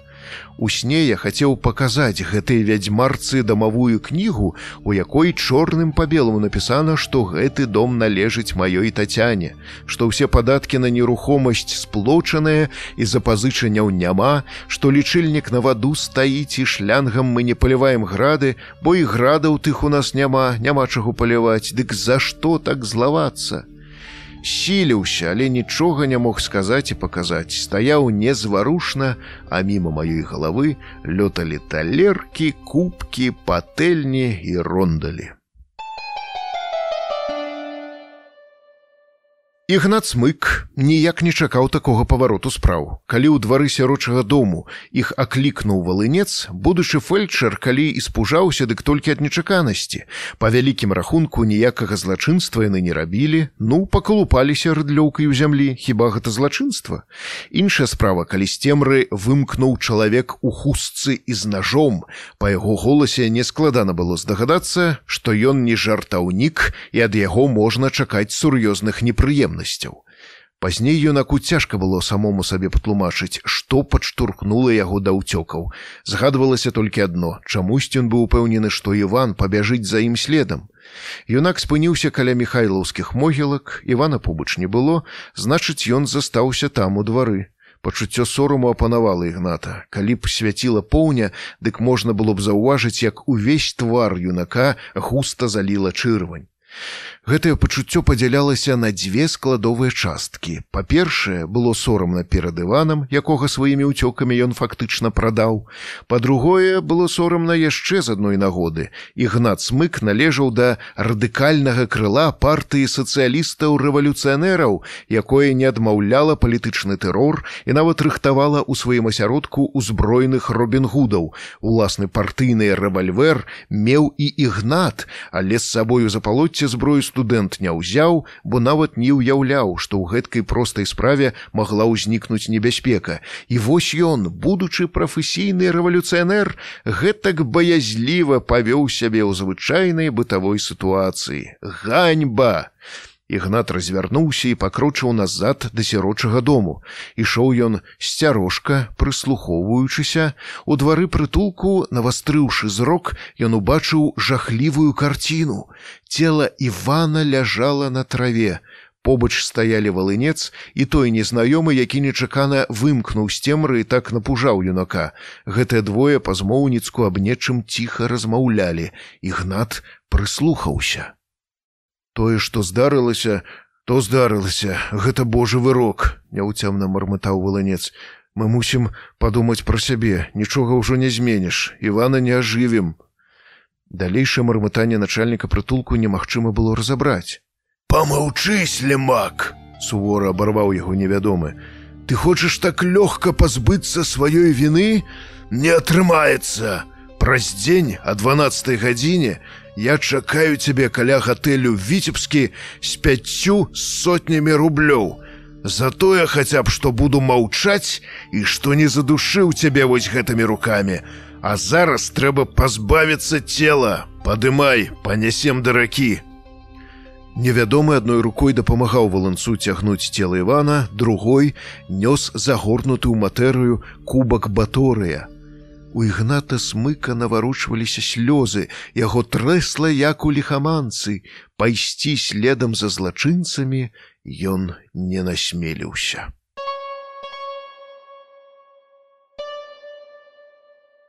Калі міканор капцюх пачуў ад пляменніка просьбу завесці яго на чаўне ў запалоце, ён адразу зразумеў. Кубак схаваны ў дзіцячым прытулку, дзе некалі працаваў сцяпан і жыла яго сям'я. Ніякага адмысловага пляну ў ягонай галаве тым часам не ўзнікла. Адзіны міканор вырашыў прасачыць за Іванам. Высадзіўшы пляменніка з лодкі, ён адчаліў ад берага і пачаў грабсці ў бок крыўцовага пасаду, адкуль прыплыў. Кіраваць чаўном супраць цячэння было няпроста, але рукі міканора з маладосці былі звыклыя да гэткай справы. Параўняўшыся з сутокам палаты, ён развярнуў човен і пагроб у бок палатоўскай паромнай прыстані. У гэты позні час нікога на беразе не было, толькі некалькі кірляў упарта кружлялі над ракою, ці то яны ўсё яшчэ спадзяваліся на рыбацкае шчасце, ці то шукалі якую прапажу. Супрацьлеглы бераг пачаў губляць свае контуры, у вечаровым прыцемку амаль зніклі абрысы Сафіі на гары верхняга замку. Меканор больш за гадзіну праседзеў у кустоўі бэзу, які разросся ў адным з кутоў двара прытулку. Ён упарта чакаў пляменніка. Здзівіла і нават пакрыўдзіла тое, што Іван аб'явіўся з кампаньёнам. Атрымліваецца пляменнік даверыў сакрэт нейкаму іншаму, а не яму сваяку. Каб аказацца за спінай валынца яму спатрэбілася некалькі секундаў. Меканор разумеў, калі хлопцы зараз сыдуць са двара, кубак дастанецца гэтаму тлустаму пацуку, які быў адной з прычын смерці бацькі Івана. Гэтага нельга было дапусціць. Нож меканор узяў сабой на ўсялякі выпадак, і вось ён спатрэбіўся. Зіхаценне кубка загіпнатызавала меканора. Ён ніколі не бачыў гэтай рэчы, толькі чуў легенды. Ён глядзеў на кубак, як трус у вочы пітона. Не менш уражаным быў і валынец. Такі скарб ляжаў столькі гадоў зусім побач, які ён бязмозглы, што не абшукаў усю ваколіцу пасля ад'езду зяновічаў. Ля скроні запульсавала думка, але яшчэ не позна, варта ўзняць вэрхал, каб сабраліся людзі і абвінаваціць начных візітэраў рабаўніцтве. І ўсё ж гэта рызыкоўна, згадаўшы пра нож капцюга, падумаў таўстун гэта бамбіза запросто прырэжа як авечку толькі адкрыю рот. Згадка пра капцюгоў нож вярнула валанца на грэшную зямлю. А калі яны ўжо вырашылі мяне забіць прычынаў дастаткова і са сцяпанам варагаваў ды і сведка ім не патрэбны. Закопвай зямлю амаль у загадным тоне сказаў меканор малодшаму зяновічу. Той загарнуў кубак у матэрыю асцярожна нібыта быў ён з тонкага шкла паклаў сямейную рэліквію ля ног і павярнуўся спіны да капцюга з валынцом шукаючы вачыма рыдлёўку. У гэты час таўстун моцна штурхануў свайго вартаўніка ў грудзі. Меканор ніяк не чакаў ад гэтага слімака супраціву. Шырока расставіўшы руки ён паляцеў долу разам з іванам якога падаючы зачапіў аднак імкліва падхапіўся на ногі паспеў другі раз злавіць няўклюду валынца перш чым яны разам упалі на траву меканор рукой моцна выцяў цікачаў жывот. Таўстун скурчыўся і застагнаў. Гэта табе апошняе папярэджанне сказаў былы сплаўшчык лесу. Наступны раз развітаешся з жыццём меканор ціха гукнуў. Иван Пляменнік неварушна ляжаў на зямлі, толькі цяпер меканор заўважыў, што ў ягоных руках няма ножа. Няўжо! Думка апякла ўсё цела. Меканор падышоў да пляменніка, са спіны пляменніка тырчэлі знаёмыя тронкі. Да берага ракі мёртвага Івана зацягнулі за якія пяць хвілінаў. Капцюг з валынцом зайшлі па калена ў ваду і кінулі цела ў чорны цёплы дзівінскі поток. Праз дзень я цябе чакаю! Груба не прыцішваючы голасу сказаў меканор валынец унурыўшы галаву пасунуўся да прытулку. Капцюх берагам ракі пайшоў да пароўнай прыстыні ля сутоку палаты дзе яго чакаў човен. Яго раздзіралі супярэчлівыя пачуцці. З аднаго боку смерць пляменніка цяжкім каменем прыціскала сэрца з другога думкі пра кубак баторыя ускрылялі душу А чаму гэтая каштоўнасць не належыць мне? Чым мой род горшы? Магчыма, гэта наканаванне, цяпер мае дзеці будуць сапраўднымі каранаванымі гаспадарамі ў полацку. Ён спяшаўся, трэба было пераправіцца праз дзвіну да світання. Калі выплыў на сярэдзіну ракі, яму закарцела яшчэ раз паглядзець на кубак. Ён разгарнуў матэрыю і ўзяў кубак аберуч. Першыя промні сонца бліснулі з усходу. Моцныя пачуцці нагарнуліся на меканора, як хвалі цунамі. На ўсю грудзіну разросся пякучы агонь. Згубіўшы пачуццё асцярогі, капцюх устаў на ногі і ўзняў над галавой кубак сонечныя промні зайгралі на залатым баку кубка усыпанага каштоўнымі камянямі, усімі колерамі вясёлкі. З грудзей меканора вырваўся смех радасці. Яму нават закарцела падскочыць на месцы, закрычаць, заспяваць. Човен раптам моцна хіснуўся, інстынктыўна меканор расціснуў руки, каб схапіцца за борт лодкі і не дазволіць ёй перакуліцца. Кубак боўтнуўся ў ваду, следам за ім паляцеў і сам меканор. Адшукаць кубак на глыбіні з такім моцным цячэннем аказалася меканору не пад сілу. Стаміўшыся безвынікова ныраць, ён гучна боўтаючы рукамі паплыў у бок задзвінскага берагу. Вярнуўшыся ў фальварак, капцюх паведаміў жонцы, што праводзіў пляменніка, пасадзіўшы на цягнік да Масквы, а ў ваду зваліўся з парому па нясцярожнасці.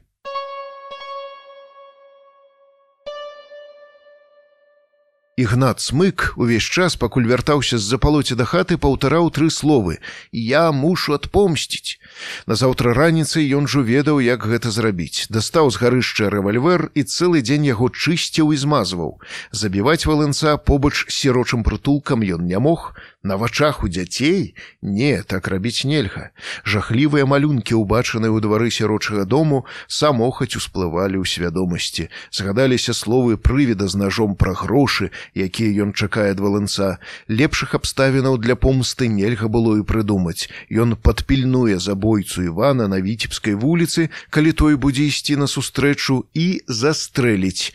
Калі прывід прызначыў яму сустрэчу? Ну так о 12 гадзіне палова на 12 ігнат выйшаў з дому. Рэвальвер ляжаў ва ўнутранай кішэні пінжака. Гэтую кішэню ён адмыслова прышыў яшчэ год таму калі атрымаў рэвальвер.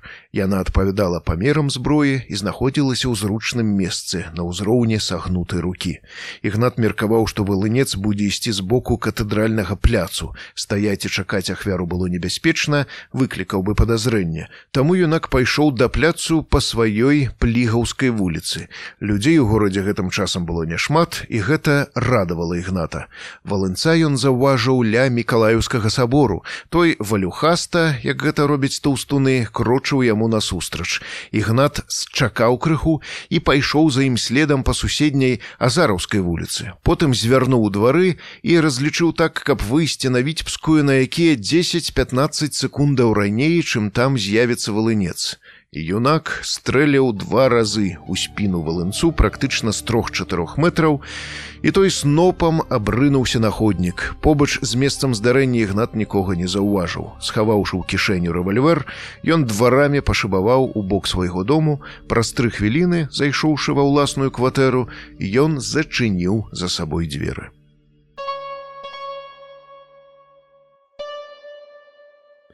Вы скажаце, ваш муж з'ехаў учора ў рыгу па справах. Яшчэ раз каб удакладніць пацікавіўся следчы цісковіч у клаўдзе капцюх гаспадыня фальварку казьянкі. Ну так з'ехаў цягніком, казаў праз тыдзень вернецца, а што здарылася? А ці ведаеце вы, што ваш пляменнік Іван Сцяпанович Зянович ноччу 14 жніўня быў забіты ў запалоцці. Што?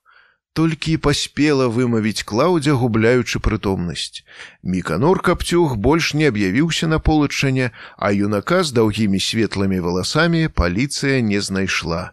Гэта была адна з самых заблытаных і дзіўных спраў з усіх тых якія за сваё жыццё даводзілася расследаваць вядомаму полацкаму следчаму адаму цісковічу Жанчына нічым не нагадвала нейкага экстрасэнса або вядзьмарку. На выгляд ёй было гадоў 35. У такім узросце многія кабеты пачынаюць губляць дзявочыя фігуры, набіраюць вагу, менш сочыць за сабой. У ранішнім аўтобусе падобных кабет большасць. Яны паслухмяна, саманамбулічна рухаюцца па калідоры свайго лёсу. Ці можна з таго калідору неяк вымкнуць? Яны пра гэта нават і не думаюць. Дома муж, дзеці, на працы начальнік, каляжанкі, нейкі заробак, які дазваляе прынамсі не ўпадаць у роспач перад заўтрашнім днём.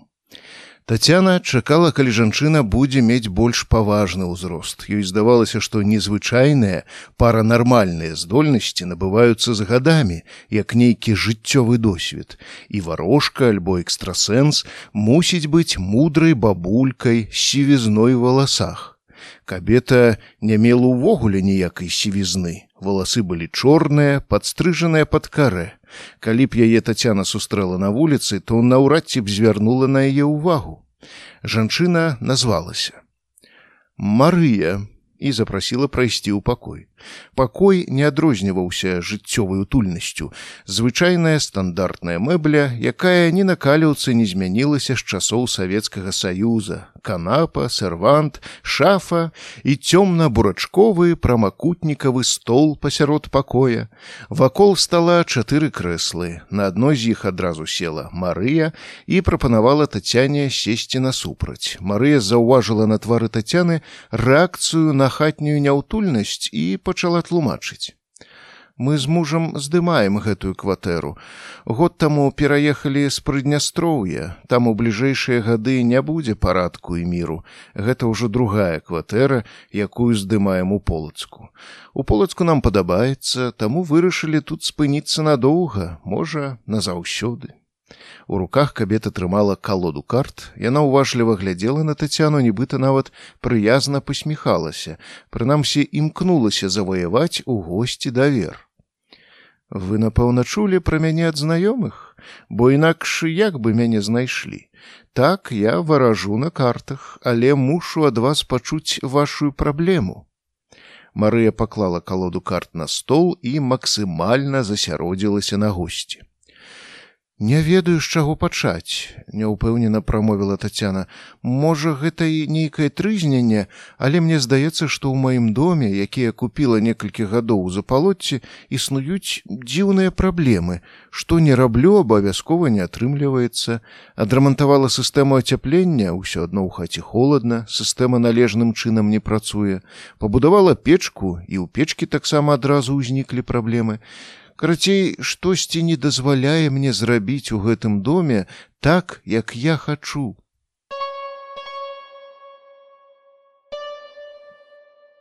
Жулю стала кепска. Яго хістала ў бакі і ванітавала.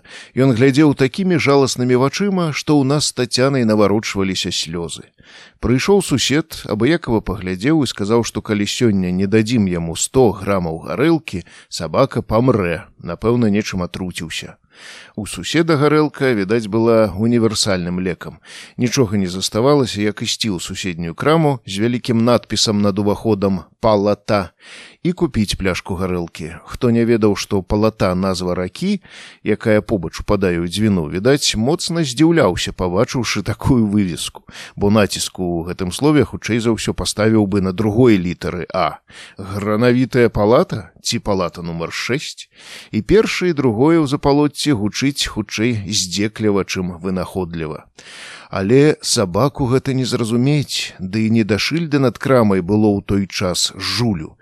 Я расчапіў чацвераногаму сябру зяпу, а тацяна ўліла ў горла кілішак гарэлкі.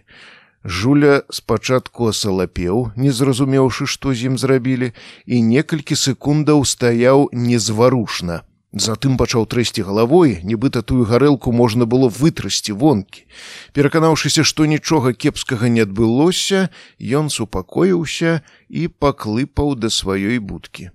Што зрабілі з астатняй гарэлкай, ужо не памятаю, але наўрад ці пакінулі для іншых магчымых сабачых атручванняў. Але, о дзіва, гарэлка сапраўды дапамагла.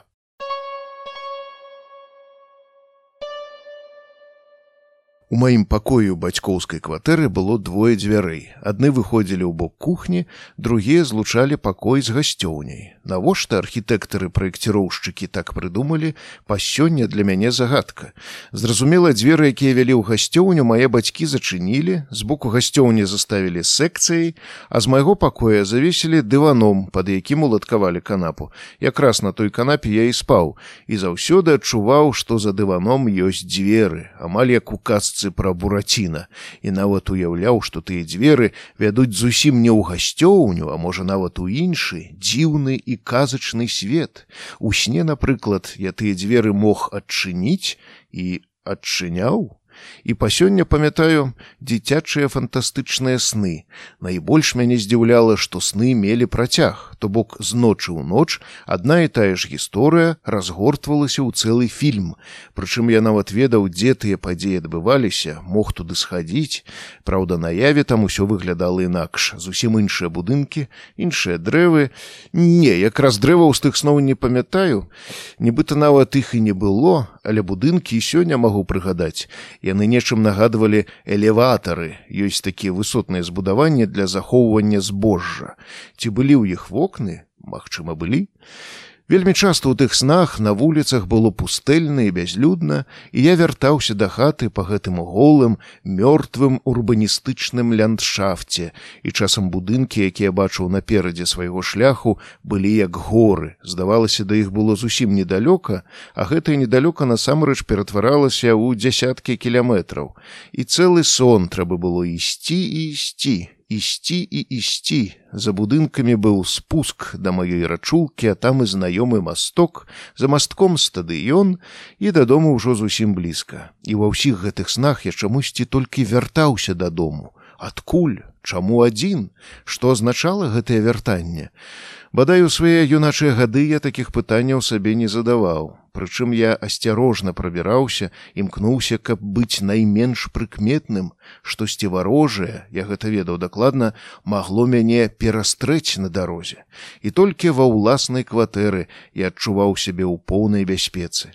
І сёння мне здаецца, што бацькі адмыслова хавалі ад мяне гэтыя патаемныя дзверы, бо ў іх нельга было заходзіць наяве, інакш можна не вярнуцца.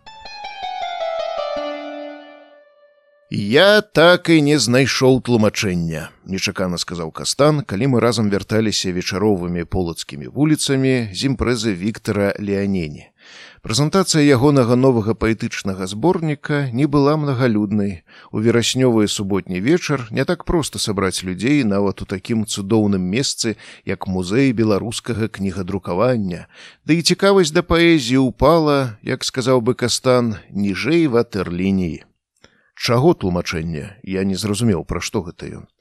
Ну, чаму тады паваліліся кілішкі ў цябе на сядзібе? Кастан крыху прыпыніўся і паглядзеў на мяне, ці то вінавата, ці то запытальна. Ты ведаеш, я так часта не знаходжу разумення для розных падзеяў і з'яваў, што ўжо і не імкнуся гэтага рабіць. Мне абсалютна не хацелася гэтую тэму далей абмяркоўваць. Нейкі час мы ішлі моўчкі, на плошчы свабоды панавала цішыня і бязлюддзе ніводнай постаці. Лістота яшчэ трымалася галін дрэваў, але ўжо не верыла ў сваю несмяротнасць. Адсюль не было як пабачыць Сафію, бо яе закрылі ад гораду вялізным дзевяціпавярховым гмахам, які ў народзе празвалі дом з вушамі. Пайшлі лепш, я пакажу табе горад. Раптам у мяне нарадзілася ідэя, я вырашыў здзейсніць даўнюю мару, узняцца ўвечары на дах дома з вушамі. Сярод дня я ўжо там быў, уздымаліся з апаратарам, каб зняць гарадскую панараму для дакументальнага фільму пра полацак. Панарама гэтая мяне не вельмі ўразіла, была яна нейкай будзённай, казённа-сыметрычна правільнай, і нават Сафія выглядала не як храм з птушынага палёту, а толькі як элемент краявіду на паштоўцы. І тады падумалася, а як усё будзе выглядаць увечары, калі змрок пачне паглынаць горад, калі з таемных сховаў павылазяць гарадскія таямніцы, якім мы сто і тысячу гадоў. У сэнсе прапаноўваеш прайсціся па горадзе, азваўся кастан без вялікага энтузіязму. Ды не, паглядзець на яго з вышыні. Я памятаў, што трэба зайсці ў трэці пад'езд і ўзняцца на дзявяты паверх ліфтам. Менавіта ў гэтым пад'ездзе мы знайшлі незачынены люк на дах. У пад'ездзе пахла нейкай цівіллю і яшчэ чымсьці, што мае дачыненне да гатавання ежы. Люк адчыняў я, спрабуючы зрабіць гэта асцярожна і павольна, без патрэбнага нам рыпу. На дах вылазілі нібыта струму на палубу вялікага карабля. Адразу насупраць выразна праглядаўся будынак гарвы канкаму, асветлены такім чынам нібыта чакаюць там марсіяну госці. І каб месца міжпланетнага візіту было бачна ажно з космосу. Далей за будынкам гарвыканкаму раўнюткай указальнай стралой ляжаў праспект францыска скарыны, упрыгожаны шарамі ліхтароў і кучаравасцю каштанаў, куды паказвала гэтая стрэлка немагчыма было разгледзець, калі вакол плошчы свабоды гарадское святло нібыта не баялася цемры і высока сягала ўверх, то надлегласці за плошчай скарыны святло ўжо паводзіла сябе больш стрымана. Здавалася, што яно сур'ёзна прыціснута зверху шматлікімі пластамі цемры. Узнікала нават трывога, ці вытрымае яно да раніцы гэты касмічны ціск.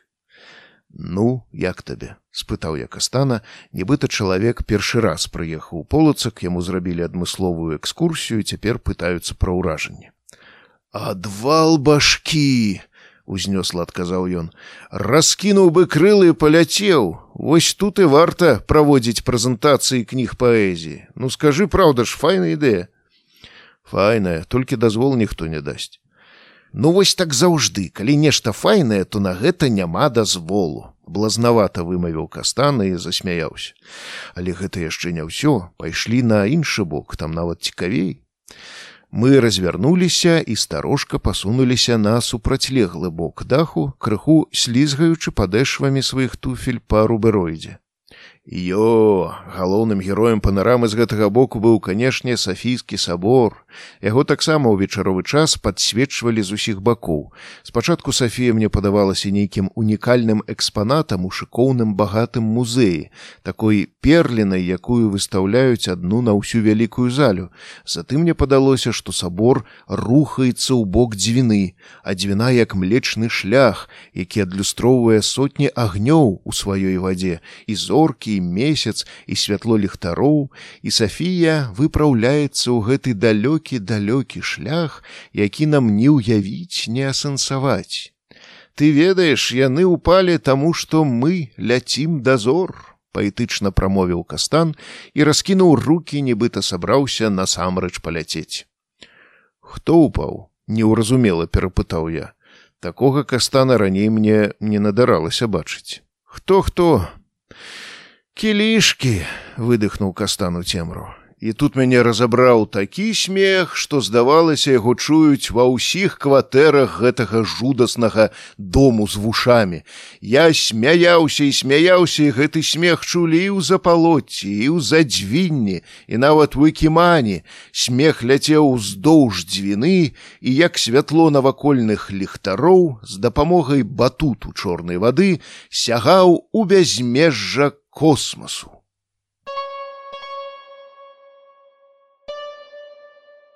Тацяна ніяк не магла даўмецца, што гэта за гук. Штосьці ў доме ці то бразгацела, нібыта ў цягніку лыжачка ў шклянцы, ці шарахцела, ці драпалася. Спачатку Тацяна падумала, што гэта зноў мышы. Яны па вясне неяк апанавалі сядзібу. Відаць, даспадобы прыйшліся ваўняныя ніткі, з якіх добра ладзіць утульныя гнёзды ў норах. Тацяна ў інтэрнэце ўзялася высвятляць метады змагання з аматарамі ваўняных гнёздаў, усялякія пасткі і іншыя сярэднявечныя прылады прыціскання, адсякання і чацвертавання Тацяна адразу адмяла. Лепш ужо пазбаўляць жыцця цывілізаваным метадам эўтаназіі. Праўда, ніхто не збіраўся пытацца ў мышэй, ці сапраўды яны выбіраюць смерць па ўласным жаданні. Проста ў краме купілі адмысловую атруту і расклалі па ўсіх закутках праз тыдзень мышы зніклі і ваўняныя ніткі атрымалі гарантаваную бяспеку Тацяна ўжо пачала згадваць, у якой такой краме прадаецца атрута для мышэй. Зноў прыслухалася. На гэты раз гук ёй падаўся зусім не мышынам. Па-першае, ён гучаў ані з-пад дашку, ані з-пад полля, аднекуль з пярэдняга пакою, прычым нібыта з буфету. Тацяна падышла да яго і пачала адчыняць усе дзверцы, спрабуючы высветліць, што гэта за насланнё такое. І калі зірнула за шкло аддзела, дык там, дзе роўнымі мініатурнымі чорнымі мінарэтамі грувасціўся посуд, пабачыла тое, што ніяк не паддавалася яе разуменню. У салятніцы ляжаў той самы амулет, які тацяна ўвесну знайшла ў сябе на градах. Ён рытмічна вібраваў, як маленькае бронзавае сэрцайка. Некалькі хвілінаў Тацяна заварожана назірала за гэтым дзівам, затым працягнула рукі і ўзяла салятніцу з амулетам. І адразу ўсё знікла, і рухі, і гук, нібыта ўсё прымроілася, нібыта надарыліся галюцынацыі. Нічога сабе, і што гэта было? У голас сама сабе прамовіла Тацяна. Яна ўзяла ў руку амулет, Ён паказаўся ёй цёплым, хаця, можа, толькі паказаўся. Во дзіва! яшчэ раз выгукнула Тацяна і ўжо звяртаючыся да амулета сказала: « Што, спудзіўся як птушаня, не пакрыўджу, не бойся але мулет ніяк не адрэагаваў. Ён роўненька ляжаў на далоне. Татяна уважліва пачала яго разглядаць. Нічога ў ім не змянілася. Быў дакладна такім самым якім яна яго знайшла на градах. Во дзіва яшчэ раз прамовіла татяна гэта ўжо нейкія чароўныя казкі братоў грым Яна асцярожна паклала амулет назад у салятніцу і пачала чакаць, але праз пяць хвілінаў і праз дзесяць і праз пятнаццаць нічога не адбылося. Бронзавы кружок са скручаную змяёй ляжаў бездыханна. І баран сарваўся з прывязі ў бальнічным двары майго дзяцінства, збег у невядомым кірунку, магчыма, у бок лесу, які мы называлі пчэльнік. Недзе побач з гэтым лесам пасвіліся падвопытныя авечкі навукова-даследчага інстытута жывёлагадоўлі. Магчыма, той баран перавёртыш папсаваў шматгадовыя доследы вучоных, а магчыма, наадварот, істотна ім дапамог. Верагодна, і сёння баран ходзіць па пчэльніку, цягае за сабой кавалак тоўстай вяро вяроўкі, бо хто можа злавіць перавёртыша і як ён памрэ, калі ён не смяротны. І Ленін сышоў з пастаменту і пакрочыў пакрочыў сваімі бетоннымі чаравікамі па асфальце галоўнай вуліцы, высякаючы іскры, бо зразумела, дзе адбывалася ўначы. Тая сталоўка, якая некалі месцілася насупраць Леніна і дзе можна было ў часы майго дзяцінства кульнуць кілішак якога трунку, даўно ўжо не сталоўка, а цех па розліве воцату. Уяўляеш воцату, які пажадана не піць вельмі пажадана і які ленін будзе стаяць побач з цехам па розліве воцуту. Ясная справа ён пачне шукаць сабе новае месца. Што ноч? Што ноч? Што ноч і куды ён мог пайсці. Мог пайсці ў бок пчэльніку але там гаспадарыць баран перавёртыш а з ім лепш не сустракацца. Ніякі бетон не можа супрацьстаяць рагам таго барана. Мог пайсці ў бок судабоўкі, але якая карысць яму ад той вёскі, якую далучылі да гораду і якая так і не стала горадам, ну ніякай карысці. Мог пайсці ў бок мясцовага аўтазаводу. І гэта самы верагодны шлях, бо там можна правесці сярод рабочых агітацыю, раскідаць улёткі па цеху, стварыць партыйныя ячэйкі, павесіць кумачовыя транспаранты, Гэта тое, што трэба для Леніна, але ёсць адна акалічнасць. Побач з домам культуры аўтазаводу стаіць свой Ленін, і наўрад ці ён саступіць утульнае, уежнае месца для Леніна з майго дзяцінства. І здарылася тое, што здараецца, калі шмат шукаеш і доўга не знаходзіш. Аднойчы Ленін з майго дзяцінства пасля бясплённых начных пошукаў новага месца вярнуўся на ранейшае, а там не аказалася пастаменту раніца набліжалася няўхільна з хуткасцю міжнароднага цягніка, які пролятае як птушка ўздоўж станцыі майго дзяцінства. Што, што, што рабіць? І пабег Ленін уніз паспартовай вуліцы да ракі і скокнуў з моста ў халодную кастрычніцкую ваду. І больш яго ніхто не бачыў.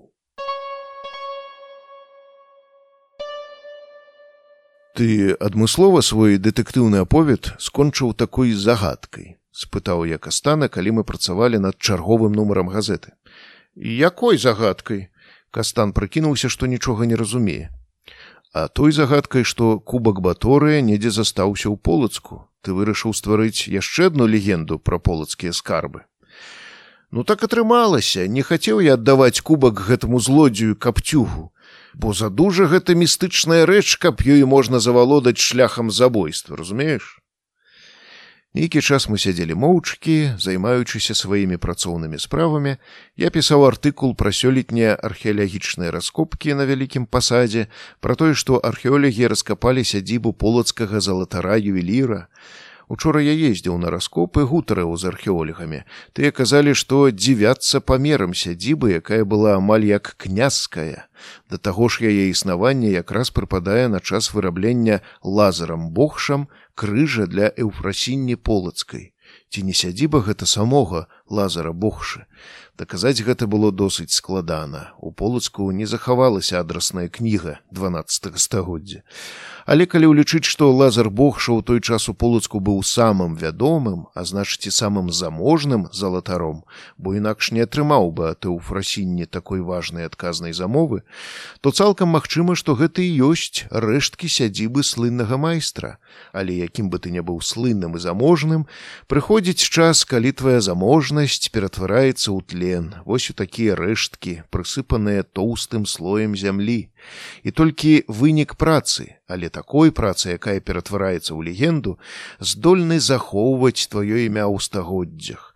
Можна зруйнаваць магілы, знішчыць курганы, ператварыць у друз храмы, замкі і палацы, але немагчыма знішчыць легенду. Так мне думалася, калі я працаваў над артыкулам. А ты хацеў бы, каб кубак знайшоў следчы цісовіч. Кастан адарваў мяне ад маіх філязофскіх развагаў. Ды не, якраз гэта быў бы вельмі кепскі фінал, бо кубак далей абавязкова сплыў бы ў расійскія, можа крамлёўскія сховы, як і сотні іншых нашых рэліквіяў, як і той самы крыж эўфрасінні полацкай. Так што кубак цяпер захоўваюць падземныя крывічы, пра якіх напісаў у сваіх лябарынтах ластоўскі, пажартаваў кастан. Магчыма, гэта лепшы варыянт, пагадзіўся я з сябрам.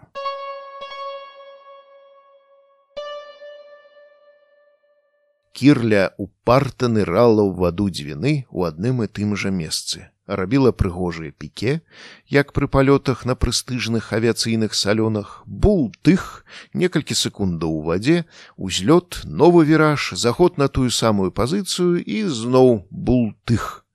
І што яна там хоча здабыць? Можа там якая чародка верхаводак сабралася утварыўшы гарантавана шчаслівае рыбацкае месца А можа нырае па кубак баторыя, падумалася мне, бо кубак той павінен моцна блішчэць, прабіваючы наскрозь сваёй зыркасцю не такую ўжо і глыбокую дзвінскую ваду.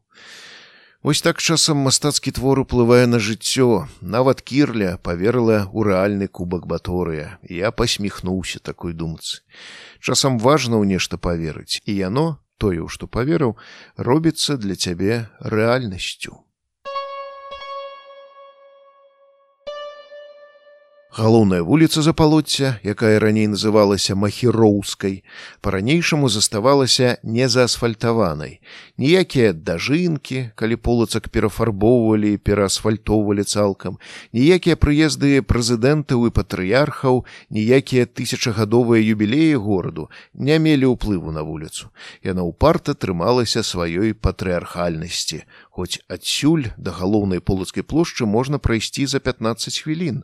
Па мастку праз палату уздымаешся на ўзвышша да Сафіі, праходзіш каля сабору, мінаеш полацкі універсітэт, які месціцца ў былых езуіцкіх мурах, і вось вам цэнтральная плошча полацку вуліца махіроўская упарта заставалася ў ранейшай маёй спрадвечнасці. Таму надзвычай натуральна на ёй выглядае невялічкі статак кос, які гоніць добра нам знаёмая бабулька у сваім дамісезонным брызэнтавым плашчы. Чаму яна іх гоніць днём, У прынцыпе неістотна, можа яна мяняе дыслякацыю, бо акрамя сутокі палаты і дзвіны бабуля пасвіць сваіх карміліцы на вялікім заліўным лузе паміж мікрараёнам аэрадром і запалоццем. Там таксама маляўнічая мясціна, аднак трэба прызнаць, што на беразе дзвіны ёй падабалася больш. Тацяна мела два шляхі да сядзібы. Можна шыбаваць па маленькіх вулачках і завулках і выходзіць наўпрост на свой михайлаўскі завулак. За ўсё шматпакутнае віхурнае два стагоддзя ніхто так і не даўмеўся гэты невялічкі завулачак перайменаваць. Михайлаўскім ён прынамсі называўся і на мапах 17 стагоддзя. Праз квартал амаль такая ж суседняя невялікая вулачка мела назву Якуба коласа. Там нават на адным з дамоў вісіць мемарыяльная шыльда з тлумачэннем, праўда, на рускай мове у гонар каго вулачка названая. Тацяна добра ведала, што назва яе завулка не мае дачынення ні да аднаго з беларускіх пісьменнікаў, ні да мехася зарэцкага, а было б някепска, ні да мехася лынькова, ні да мехася стральцова, таксама было б някепска. Проста завулак выходзіць на вуліцу михайлаўскую, якая таксама па сёння захавала сваю назву, а михайлаўская раней выходзіла да михайлаўскай царквы, якая калісьці месцілася ў запалуцці. Ад яе, праўда, не засталося і падмуркаў, але на святым месцы стаіць вялізная у дзевяць вокнаў хата, адметная тым, што яе гаспадары трымаюць пчолаў, якія перыядычна люта атакуюць прахожых у наваколле. Таму ў крытычныя для пчолаў дні Тацяна выбірае іншы шлях да сядзібы па вуліцы махероўскай. Але вернемся да бабулі з козамі. Калі Тацяна параўнялася з бабцей, тая яе гукнула. Жанчынка, гэта відаць вашая стужка. Бабця дастала з кішэні свайго дэмісезоннага брызэнтавага плашча невялікую чырвоную стужку і працягнула тацяня. Тацяна ўзяла і пачала разглядаць. Гэта была ільняная стужка грубай ручной працы. Ніткі, з якіх тую стужку калісьці выткалі, відавочна самаробныя, мелі розную таўшчыню. У гэтым Тацяна добра разбіралася. Стужку спачатку выткалі, а затым нечым пафарбавалі, нейкай моцнай натуральнай фарбай колеру крыві. А з чаго вы ўзялі, што гэта моя стужка? Спытала бабцю Тацяна, працягваючы разглядаць гэты дзіўны кавалачак матэрыі. А гэта ваш сабака згубіў. Я бачыла, дакладна ваш, адказала бабця з прыязнай усмешкай на рахманым твары. Дзякуй, няхай будзе наша, аддзячыла бабці Тацяна. На сядзібе Тацяна пачала разглядаць стужку на святло і заўважыла выразны надпіс: Торвальдр. Паўлік забіў стасіка. Гэтая навіна ў мяне выклікала шок, пра што можна так горача спрачацца, каб у выніку забіць апанента, прычым брата блізнюка і чаму слабейшы ціхмянейшы паўлік забіў мацнейшага балагурыстага стасіка. Для мяне гэта неверагодная загадка, ніхто нічога не патлумачыў, мае бацькі толькі паціскалі плячыма, маўляў, ведаем толькі тое, што ведаем. І ўсе нашы супольныя канцэрты ў дзіцячай музычнай сталоўцы і рыбалкі, і футбол і дваровыя гульні адразу набылі іншы колер і смак. Колер смутку смак жальбы смак трызны. Моя мама кажа усё з-за гарэлкі але гарэлку п'юць мільёны людзей далёка не ўсе з іх забойцы. Што гэта было? Ці быў той шлях якім ішлі браты блізнюкі шлях на канавання шлях якім калісьці нібыта мы ішлі побач але яны ўвесь час сыходзілі а я ўвесь час вяртаўся сярод небяспечных вышэзных дамоў элеватараў. Гэтую дарогу вяртання памятаю па сёння да драбніц галоўнае дайсці да мастка праз раку. Цяпер я ведаў што ў гэтым месцы шчыльна захутаны водрасцямі ляжаў ленін майго дзяцінства. Рука якой ён указваў дарогу ў лепшы свет даўно адламілася і сплыла ў чорнае мора. Ленін захутаны ў водарасці выглядзець як егіпецкая мумія цяпер не мог мяне бачыць. Магчыма ён чуў мае крокі по мастку але паспрабуй скрануцца калі ты шчыльна захутаная мумія. Цяпер недзе побач з леніным для мяне ляжалі і стасік з паўлікам Паўліка пасадзілі ў турму, там ён захварэў на сухоты, памністы і выйшаў і неўзабаве памёр у бацькоўскай кватэры. Адзін, без бацькоў, якія на той час ужо адышлі ў лепшы свет, без брата блізнюка, без Леніна. Не падавалася, што менавіта Ленін вінаваты ў гэтай трагедыі, той самы, які ўсё нашае дзяцінства юнацтва паказваў на сталоўку з бадзёрымі трункамі. Канешне, лёгка ўсё спісаць на Леніна, але я яму ўсё адно не дарую. Ні свайго сябра Дзімыча, ні многіх іншых сяброў дзяцінства і не дарую паўліка са стасікам. Ніколі.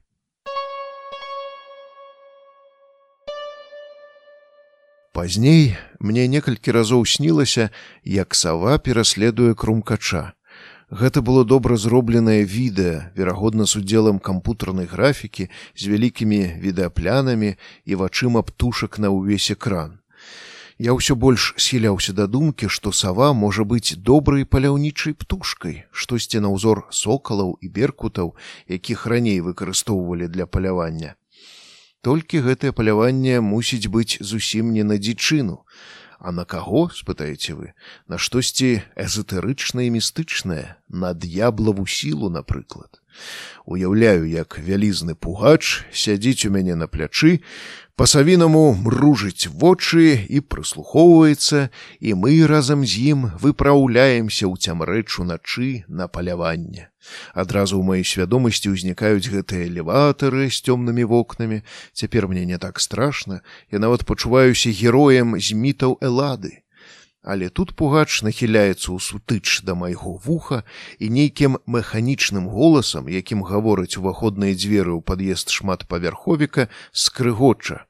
Галоўнае не даць сябе напужаць. Затым вялізная птушка адштурхнулася ад майго пляча і паляцела праз дзвіну ў бок вострава. Некалькі хвілінаў мне здавалася, што я чуў свіст яе магутных крылаў.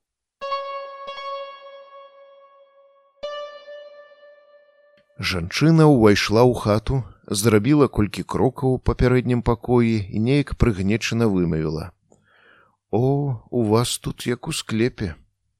У сэнсе перапытала яе тацяна. Не ў тым склепе, дзе захоўваюць бульбу, а ў тым склепе, дзе нябожчыкі.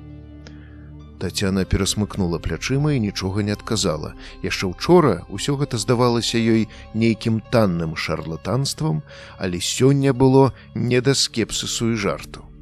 Дык вы купілі свечкі, як я прасіла, спытала жанчына. Так, вось яны адмыслова хадзіла учора ў спасаю фрасінняўскі манастыр, Тацяна працягнула жанчыне пучок свечак, тая ўзяла яго, выбрала одну свечку, іншая паклала на стол, дастала з кішэні свайго цёмна-зялёнага плашча запалкі і пачала падпальваць свечку. На здзіўленне Тацяны, як толькі свечка загарэлася, пайшоў густы чорны дым. Ну вось, бачыце, якія тут праблемы, сказала жанчына, нібыта праводзіла якісьці вопыт па хіміі і тлумачыла яго першыя вынікі. Як я вам ужо казала, у гэтым доме раней жыла кабета, якая мела такія ж здольнасці, як і я. Яна тут і засталася. Яна па-ранейшаму лічыць сябе гаспадыняй дому, і ўсе людзі, якія тут пасяляюцца для яе ворагі. І нашая задача сёння яе адсюль выправадзіць. Жанчына зрабіла колькі крокаў і зайшла ў невялічкі пакой, дзверы ў які месціліся злева. Адтуль загучаў яе ўпэўнены нават крыху ваяўнічы голас. Яна штосьці хутка хутка прагаворвала, часам вельмі неразборліва, але асобныя пачутыя словы падказвалі тацяне, што жанчына чытала нейкую малітву. Дзенне доўжылася каля гадзіны. За гэты час жанчына спаліла некалькі свечак і абышла ўсе пакоі дома. Было бачна, што выгнанне далося ёй няпроста. На яе твары чыталася стомленасць. Жанчына прысела на адно з крэсел, якія атачалі стол у пярэднім пакоі і рухам рукі прапанавала сесці побач тацяня. Што магла, я зрабіла. Думаю, у мяне ўсё атрымалася. Толькі вось што Тая бабця, якая замінала вам тут гаспадарыць, любіла глядзецца вуню тое люстэрка. І жанчына показала пальцам на вялікае прастакутнае люстэрка, якое вісела ў пакойчыку злева. Яго трэба завесіць цёмнай матэрыяй, зняць, занесці на сметнік і там разбіць. Гэта трэба зрабіць абавязкова. Зразумелі па-настаўніцку, калі пытанне патрабуе абавязковага адказу, спытала жанчына. Зразумела, разгублена адказала Тацяна. І не бойцеся, цяпер павінна быць усё нармальна. Калі што здарыцца незвычайнага, паведаміце мне.